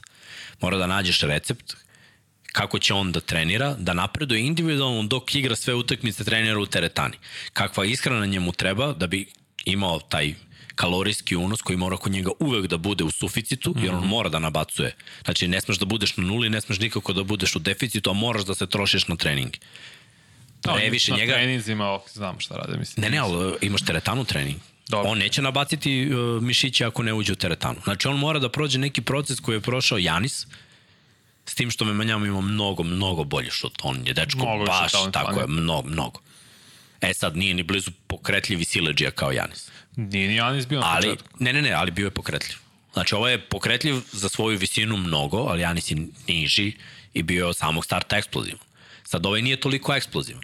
Za svoju visinu jeste. A da, to ne možemo da vidimo sa njegovom visinom koja je 2.24, koliko je to eksplozivno. Teško ali ima, i da, ima neke dobre poteze, ima neke ekstremno glupe poteze. Pa, bit će prvi pik na draftu. Vrlo verovatno. To... I To- za, mislim, Ciljaš kada se kockaš, kada se kockaš ti gledaš šta će da bude najbolje od njega. A ti je. najbolje gledaš da, da, da će dečko da bude malo viši Anthony Davis. Na primjer. Mnogo više. Ima Anthony Davis, ima više je 10 cm Anthony da. Davis. To je dosta. Dobro, mnogo viši Anthony Davis. Meni se sviđa Ostani Scoot. Henderson, koji je sad rađen kao Terminator, to mi neko je napisao i znam, lik je, on ima sad telo za NBA, igrao je G ligu i sve, Scoot Henderson je bezbedniji pik, a ući će mu to mnogo dublje kad krene Jun sa svim potencijalnim igračima koji će ići u prvu rundu, onda ću ih tako analizirati, ali Scoot Henderson, kako sam gledao i kako igra sa njegovim atleticizmom, podsjeća na Russell Westbrooka, sa malo boljim šutem trenutno, nego što Russell je generalno imao ako on sad ima bolji šut, bolju tehniku, može još da napreduje. Mislim da on će biti drugi pik, da će njih dvojica će menjati 1-2. Ne, ne verujem da će jedan tim izabrati pre Scoot Henderson nego Vembanjamu, što ovo potencijal, svi pričaju o njemu, to se prodaje adresa ovako instant ode sve, karte takođe, ali Scoot Henderson mislim da može da ima sigurniju i bolju karijeru zato što je građan za NBA, ima 195, da, da. eksplozivan jak, skače neverovatno, tu je šut, tu je sve, mislim, on će odmah moći da doprinese Da, nekom. pa to, to je sad sve, da li možeš odmah ili da li neko veruje u proces. Mislim, setite se Embiidu je trebalo par godina da uopšte mm. krene da igra. Uh, imamo pitanje ko je prvi pik na draftu, to se ne zna, to je lutrija pa se izvlači, neke da. ekipe imaju veće šanse i koliko ime u Doka može da izvuče iz ove ekipe Houstona, pa definitivno može više od bilo koga koji ko je dobio šansu, je sad mene zanima, ima tu pitanja Harde nazad, eventualno još neka zvezda, to moramo sve da sačekamo, sad je nezahvalno da... na draftu, oni? a mogu. A šta ako urade i to i zvezda? Eto, koja je šansa, šansa uđu u play-in, mislim, ali ajde da sačekamo sa tim za sada, ime Udoka je neko ko zna da radi sa mladim timom koji je do, dolazi iz ozbiljnog programa, čovek nije trener samo zato što je imao skandale van terena, to je potpuno nebitno ako, uzmem, ako gledamo njegovu stručnost, znači on je stručan, zna da radi Tako. i može da ih unapredi mnogo. Njima baš to i treba, čvrsta ruka i znanje. A, koji su vam kriterijumi kod odabira najdržeg igrača? Moji su da nije atleta i da ima šut. Dirka, posle njega Dorent. Koji su vaši? Au. Pa meni, Ne, to ne... meni su. Iverson i Kobe su moji. A, misliš ko igrač ili šta su ono, šta gledam? Kako sam ih, kako sam ih odab, odabrao? Uh, Iverson je po meni najbolji atleta bio, jer igrati s mojom visinom u NBA-u, završavati sve na obroču, kucati, imati 50 poena u proseku u play-offu onih nekoliko utakmica i biti MVP s tom visinom, igrati s tom lakoćom, pogađati te neke šuteve, igrati tako zabavno, e, to, to je mene sve kupilo. Znači od samog starta, ta prednja promena, ta eksplozivnost. E, On je prvi uneo te neke elemente basketa, blaga nošena lopta u crossoveru, mm. u, u prednjoj promeni.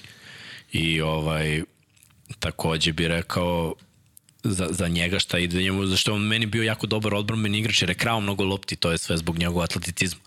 On je dve, tri godine bio u prvoj defanzivnoj petorci zbog ukradenih lopti, jer je znao da pusti čoveka pa sleđe da mu iščačka i tako dalje. Možda nije u prvoj, ali bio je u defanzivnim petorkama. Oduševljavao me koliko je lopti krao njima, ja mislim prosek, ko Paul George u jednom trenutku čovječe, ga vidio, Paul George imao dve ukradene lopte po tekmi na dve sezone, ja sam bio u fazonu, šta? Kako ovo meni promakne? Ne, ne gledam sve utakmice. Znači, ono mi je neverovatno da on u svakoj utakmici imao dve ukradene. Ali to me je kupilo kod Iversona. Kobe je bio, mislim, ono, sve kao Jordan, ali ja Jordana nisam gledao prvu polovinu njegove karijere. Ja sam počeo da gledam košarku 90-ih već kad sam malo odrastao, kad, ono, kad sam imao da kažemo, krenu u školu, tad sam već razumeo šta gledam. Nije bio nikad. Prvi tim. Nije ni jedan tim. Nijedan tim. Vodi, predvodio ligu tri godine za redom. Ukradenim loptama, a nije bio. Pa je, dobro, passing lanes. Da, da. Dobro, Čitao- i imao čitao to. je dobro. Imao je to. To, to me je kupilo. Kobe ne, ne treba trošiti reči. To definicija uh, klača definicija tog nekog pobedničkog mentaliteta, želje, rada, discipline. Nema šta se meni nije svidelo ako pogledamo ceo kontent. Ne samo na terenu, nego i van terena. Tako da, gledam, mhm. To je meni amin. ne znam, ja na terenu gledam prosto košarkašku veštinu i prirodni talent. Ja kad, mogu da vidim kad neko zna da igra košarka, da kako to dopišem najbolje, ali veština košarkaška, zato je ja meni Kobe Bryant najvešti, najbolji košarkaš, to je neki vrhunac za nekog košarkaša, da imaš taj rad nogu, da možeš iz bilo koje pozicije postižeš pojena, koji, na bilo koji način maltene, da usavršiš bilo koji šut, fade away, čak imao i dosta meča kad je bacao i skyhook, to je horog, mislim na svaki način pogađao, nešto slično ofanzivno ima Carmelo Anthony koji se oduševljava kako koristi svoju snagu opet u mekoću sa šutem, ima neverovatno Kevin Durant isto Paul George, Kawhi Leonard su mi svi, to su ta karijela koja ja volim, koji znaju da igraju košar, koja Chris Paul obožavao u, ho, ovim uh, Hornetsima, to je slash Pelicansima i Clippersima da što predvodi tim. Klasičan je ono floor general trener na terenu, zna šta radi, zna kako da manipuliše odbrane. Nisam volao nikad Uber atlete, to je Lebron, mislim Lebron ono, to je jedan najvećih igrača ikada, ali ja ga nisam volao zato što je on najbolji atleta ikada koji je NBA video. Ti sa 2.05, 125 kg mišića da se onako krećeš s Ne samo lakoćom. što je atleta, nego što to njegovo telo može da izdrži. Tako Znaš šta, je. bilo je boljih atleta. Ja ne znam da li bilo, Bilo je bolji. Pa meni zavisi, znaš, Ja, bilo je mno, mnogo svega, boljih ne. atleta, ali ne može telo da izdrži taj atleticizam. Tu brzinu, jer LeBron ništa ne radi, on radi sve brzo, on ne radi ekstremno brzo. D-Rose je radio ekstremno brzo, zato je telo reklo, ćao. Ne, kad kombinuješ sve, mislim, Da, da, da. DeRozan ima 191, on ima 2.05 i skače podjednako visoko. Mislim. Ali ne, ska, ne, ali ne zaleće se podjednako brzo i ne skoči podjednako brzo. To, to je razlika, ali telo, sve dođe na naplatu. Ti kad toliko sve to radiš brzo mm -hmm. i eksplozivno, jednostavno telo ne može da izdrži. Lebron je najbolji spoj visine, težine Svega. i brzine. Znači, kod njega je sve savršito, to ne, znaš, tek sad on propušta neke utakmice u Poslednjih 2-3 godine. 37, 8, Da, da, da. da. tako 36, 7, Tako je. 8 godina. Ne bi suludi sad može da zakuca kako Kaže, Mixer JJ Redick se pominje kao trener Raptorsa. Ma i dalje može da gađa trojke. Pa jesi ti mislio kao Ovaj, igrač? A? Jesi mislio kao igrač? Ne, ne, kao ja se, kao trener se pominje, zato i kažem zašto se poja, po, on pominje kao trener zbog svoje genijalnosti. Znaš kako kod nas to bilo, ako si trener, onda si igrač. Igrač trener. Znam si JJ se skine na treningu i o, poduči ih malo za šuteve. Tamo, što ne bi mogao. Mogao bi. Ali da završimo od Jordan nikad nisam gledao. Ja sam svestan šta je Michael Jordan, mislim da je on najveći igrač svih vremena, on pa Lebron. I, ali on ima isto nerealni atleticizam. Ogromne šake, mogu je da le, lebdaju u vazduhu. Mislim, s takvim predispozicijama, samo što je on usavršio sve to uz veštinu i košarkaški taj skill, tehniku. Mm. Imao odličan rad nogu, samo mislim da je Bryant imao sve malo bolje, malo za Pa, nijancu bolje, malo. Kao ono malo što sam gledao nije, ali mogu da ti kažem, nisam gledao taj početak koji je bio drugačiji. Te 80. i, i sam start 90. Posle kad sam se uključio, ono je bilo nerealno. Uh, dobro. Ravensi u Londonu. Yes. Nisam video, ali ovaj, to sad sve naravno Večeras je zvanično izlazi. Da, da, raspored. Znaš šta, te, teška je ta priča s Londonom zbog te vize i svega toga. Ja se nadam ovaj, da eventualno poslovno može da se ode tamo, ali to se još uvek ne zna i to ostavljamo za biti, za biti ili ne biti. Pa dobro, preko posla je mnogo lakše to srediti nego ovako, turistički. Koliko može Vezenkov da pomogne Kingsima? Ne znam, može iskreno mnogo. Pozdrav za Vuka Koraća, navijača Revinsa koji kaže 15. oktobra. Karte za London. Sinovi, jeste bili u Londonu? e pa vodit ću vas. Ako uzmete kintu. Ne znam koliko može Vezenko pomoći. Možda u regularnom delu sezone bude tako sedmi, osmi, eto, deveti igrač ovako u play-offu, koga će da čuva. Mislim, NBA sad svodi na mis mečeve, svi traže najveći mis meč da iskoriste, zato Tavares ne igra. On ne može se da isprati nikog u NBA-u. To je činjenica. On u, on u Evro, tako je, on u Euroligi bleji u reketu. Mislim, možda loš izraz, ali on ne može 3 sekunde, on čeka, još i kad igraju zonu, on čeka tu u sredini reketa i to je to, ne izlazi. A u NBA-u ne može to da radiš, zato ne igra. Mislim, zato neće nikad ni ići u NBA. Ne znam koliko Fezenko može da isprati igrača. Pa do šuterski, znaš šta, možda verzija Bojana Bogdanovića koji se uklapa u petorku, eventualno šesti igrača, radi posao. To, to je neka rola koju ja vidim. To je neko poređenje. u odbrani Bojan Bogdanović. Pa igra ja ne znam da se ovaj neće, bolje. ali ja ne znam da se ovaj neće truditi kada dođe tamo i kad shvati da mora više, znaš, ko zna. Ali ako gledaš mogućnost da šutne, da izgradi šut, da izađe iz bloka, znaš, to su sve stvari koje on može da uradi. A oni tamo cene više napad nego odbranu. Da, ma meni Bojan ultra talentovan, znam. Je, pa kako Ultra nije, pa ne bi bio tamo na tom nivou da nije. Talentovan je od Vezenkova. Nismo ga videli u NBA. Za ne, sada da. I u Evropi, kad mislim, meni stvarno se divim kako igra Bojan Bogdanović. Kako ne, kako ne, čovjek. Ozbiljan košarkaš. Uh, uh, uh, Vlada? Vlada Milodinović kaže gde se seti kengura, pa druže ti ne gledaš naše podcaste, to ono mogu da ti kažem, to je u svakom bar ima jedna bar jedna dosetka. Uh, da li bi neko poput Butlera bio dominantan u Euroligi? Pa ne šutira trojke, šutira za dva igra vrhunsku odbranu, kako ne bi. Da li on je bio u defensivnom timu, zar ne? Ili nije, ne mogu setiti. Znaš, Kako ljudi, bi svi ti, da kažemo, top 30 igrača u NBA-u radili bi šta bih htjelo u, u Euroligi, malo te ne. A setio sam se Korunus li Simo, kakvi to igrače. Njega obožavam da gledam. Baš, on doktor košarke. Takvi igrači, oni koji znaju da igraju, ono kako manipuliše odbranu i sve, to je prelepo stvarno. Dobro, pitaju šta će Dallas raditi za trenera, to još ne znamo. Ko?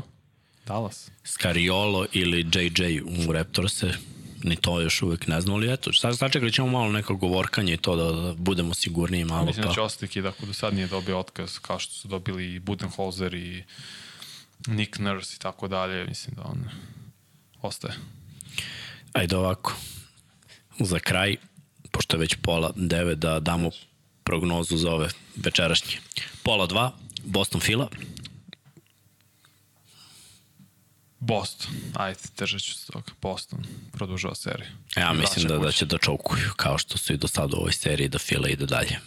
Fila kod kuće, Eagles i tu, navijači poludeli. Dobro, iskubili su već jedan kod kuće. Jesu. Izgubio i Boston 2. Uh, Denver Phoenix, Denver zatvara. Denver zatvara. Da. Denver zatvara, zatvaramo i mi ovaj podcast. Ljudi, nadam se da ste uživali. Hvala još jednom na, na podršci. 270, 80 vas je bilo u live-u. 230 lajkova, odgovarali ste na, na svaki pull, dali ste ovaj, dosta ovih pitanja da, da, da razmislimo. Kaže, daj tri igrača za plus. Ajde, Vanja, razmisli. Šta večeras? može za plus? Pa evo, Jokić plus skokovi Tatum plus poeni. I, i Booker I plus poen. Eto, neka bude to. A što se tiče ovog podcasta, da kažemo, to je to sledeće nedelje, verovatno ponedeljak, nećemo raditi do, do kraja ove nedelje, tamo malo da se nakupe utakmice, da vidimo šta će biti u ostalom sa, sa serijama, kako će sve to da se odvije. Uh, takođe bih vas pozvao, ako niste subscribe-ovani, uradite to, ako želite da postanete naši članovi na YouTube-u, možete i to da učinite budite naši pokrovitelji na Patronu, podržite nas na taj način da, da ostanemo nezavisni, da ne zavisimo od drugih, takođe da se zahvalimo još jednom našim sponsorima, Admiral Bet je tu i još jednom ako želite, ako nemate nalog, možete uz kod 1 na 1 da dobijete neke gratis novce da se igrate malo, kod traje tri dana, Vanja kaže četiri, ali ajde u tri dana odigrajte nešto, odigrajte odmah, što da čekate tri dana, uzmeš odmah bonus, odmah odigraš, pa da vidimo na čemu smo. Uh, sva pitanja pišite, mi se trudimo da odgovaramo kada nije podcast, da odgovaramo na sva vaša pitanja i to bi bilo to, ljudi. Uh, Srgi će da pusti Patreone, a do sledeće emisije veliki pozdrav iz Infinity Lighthouse studija. Ćao!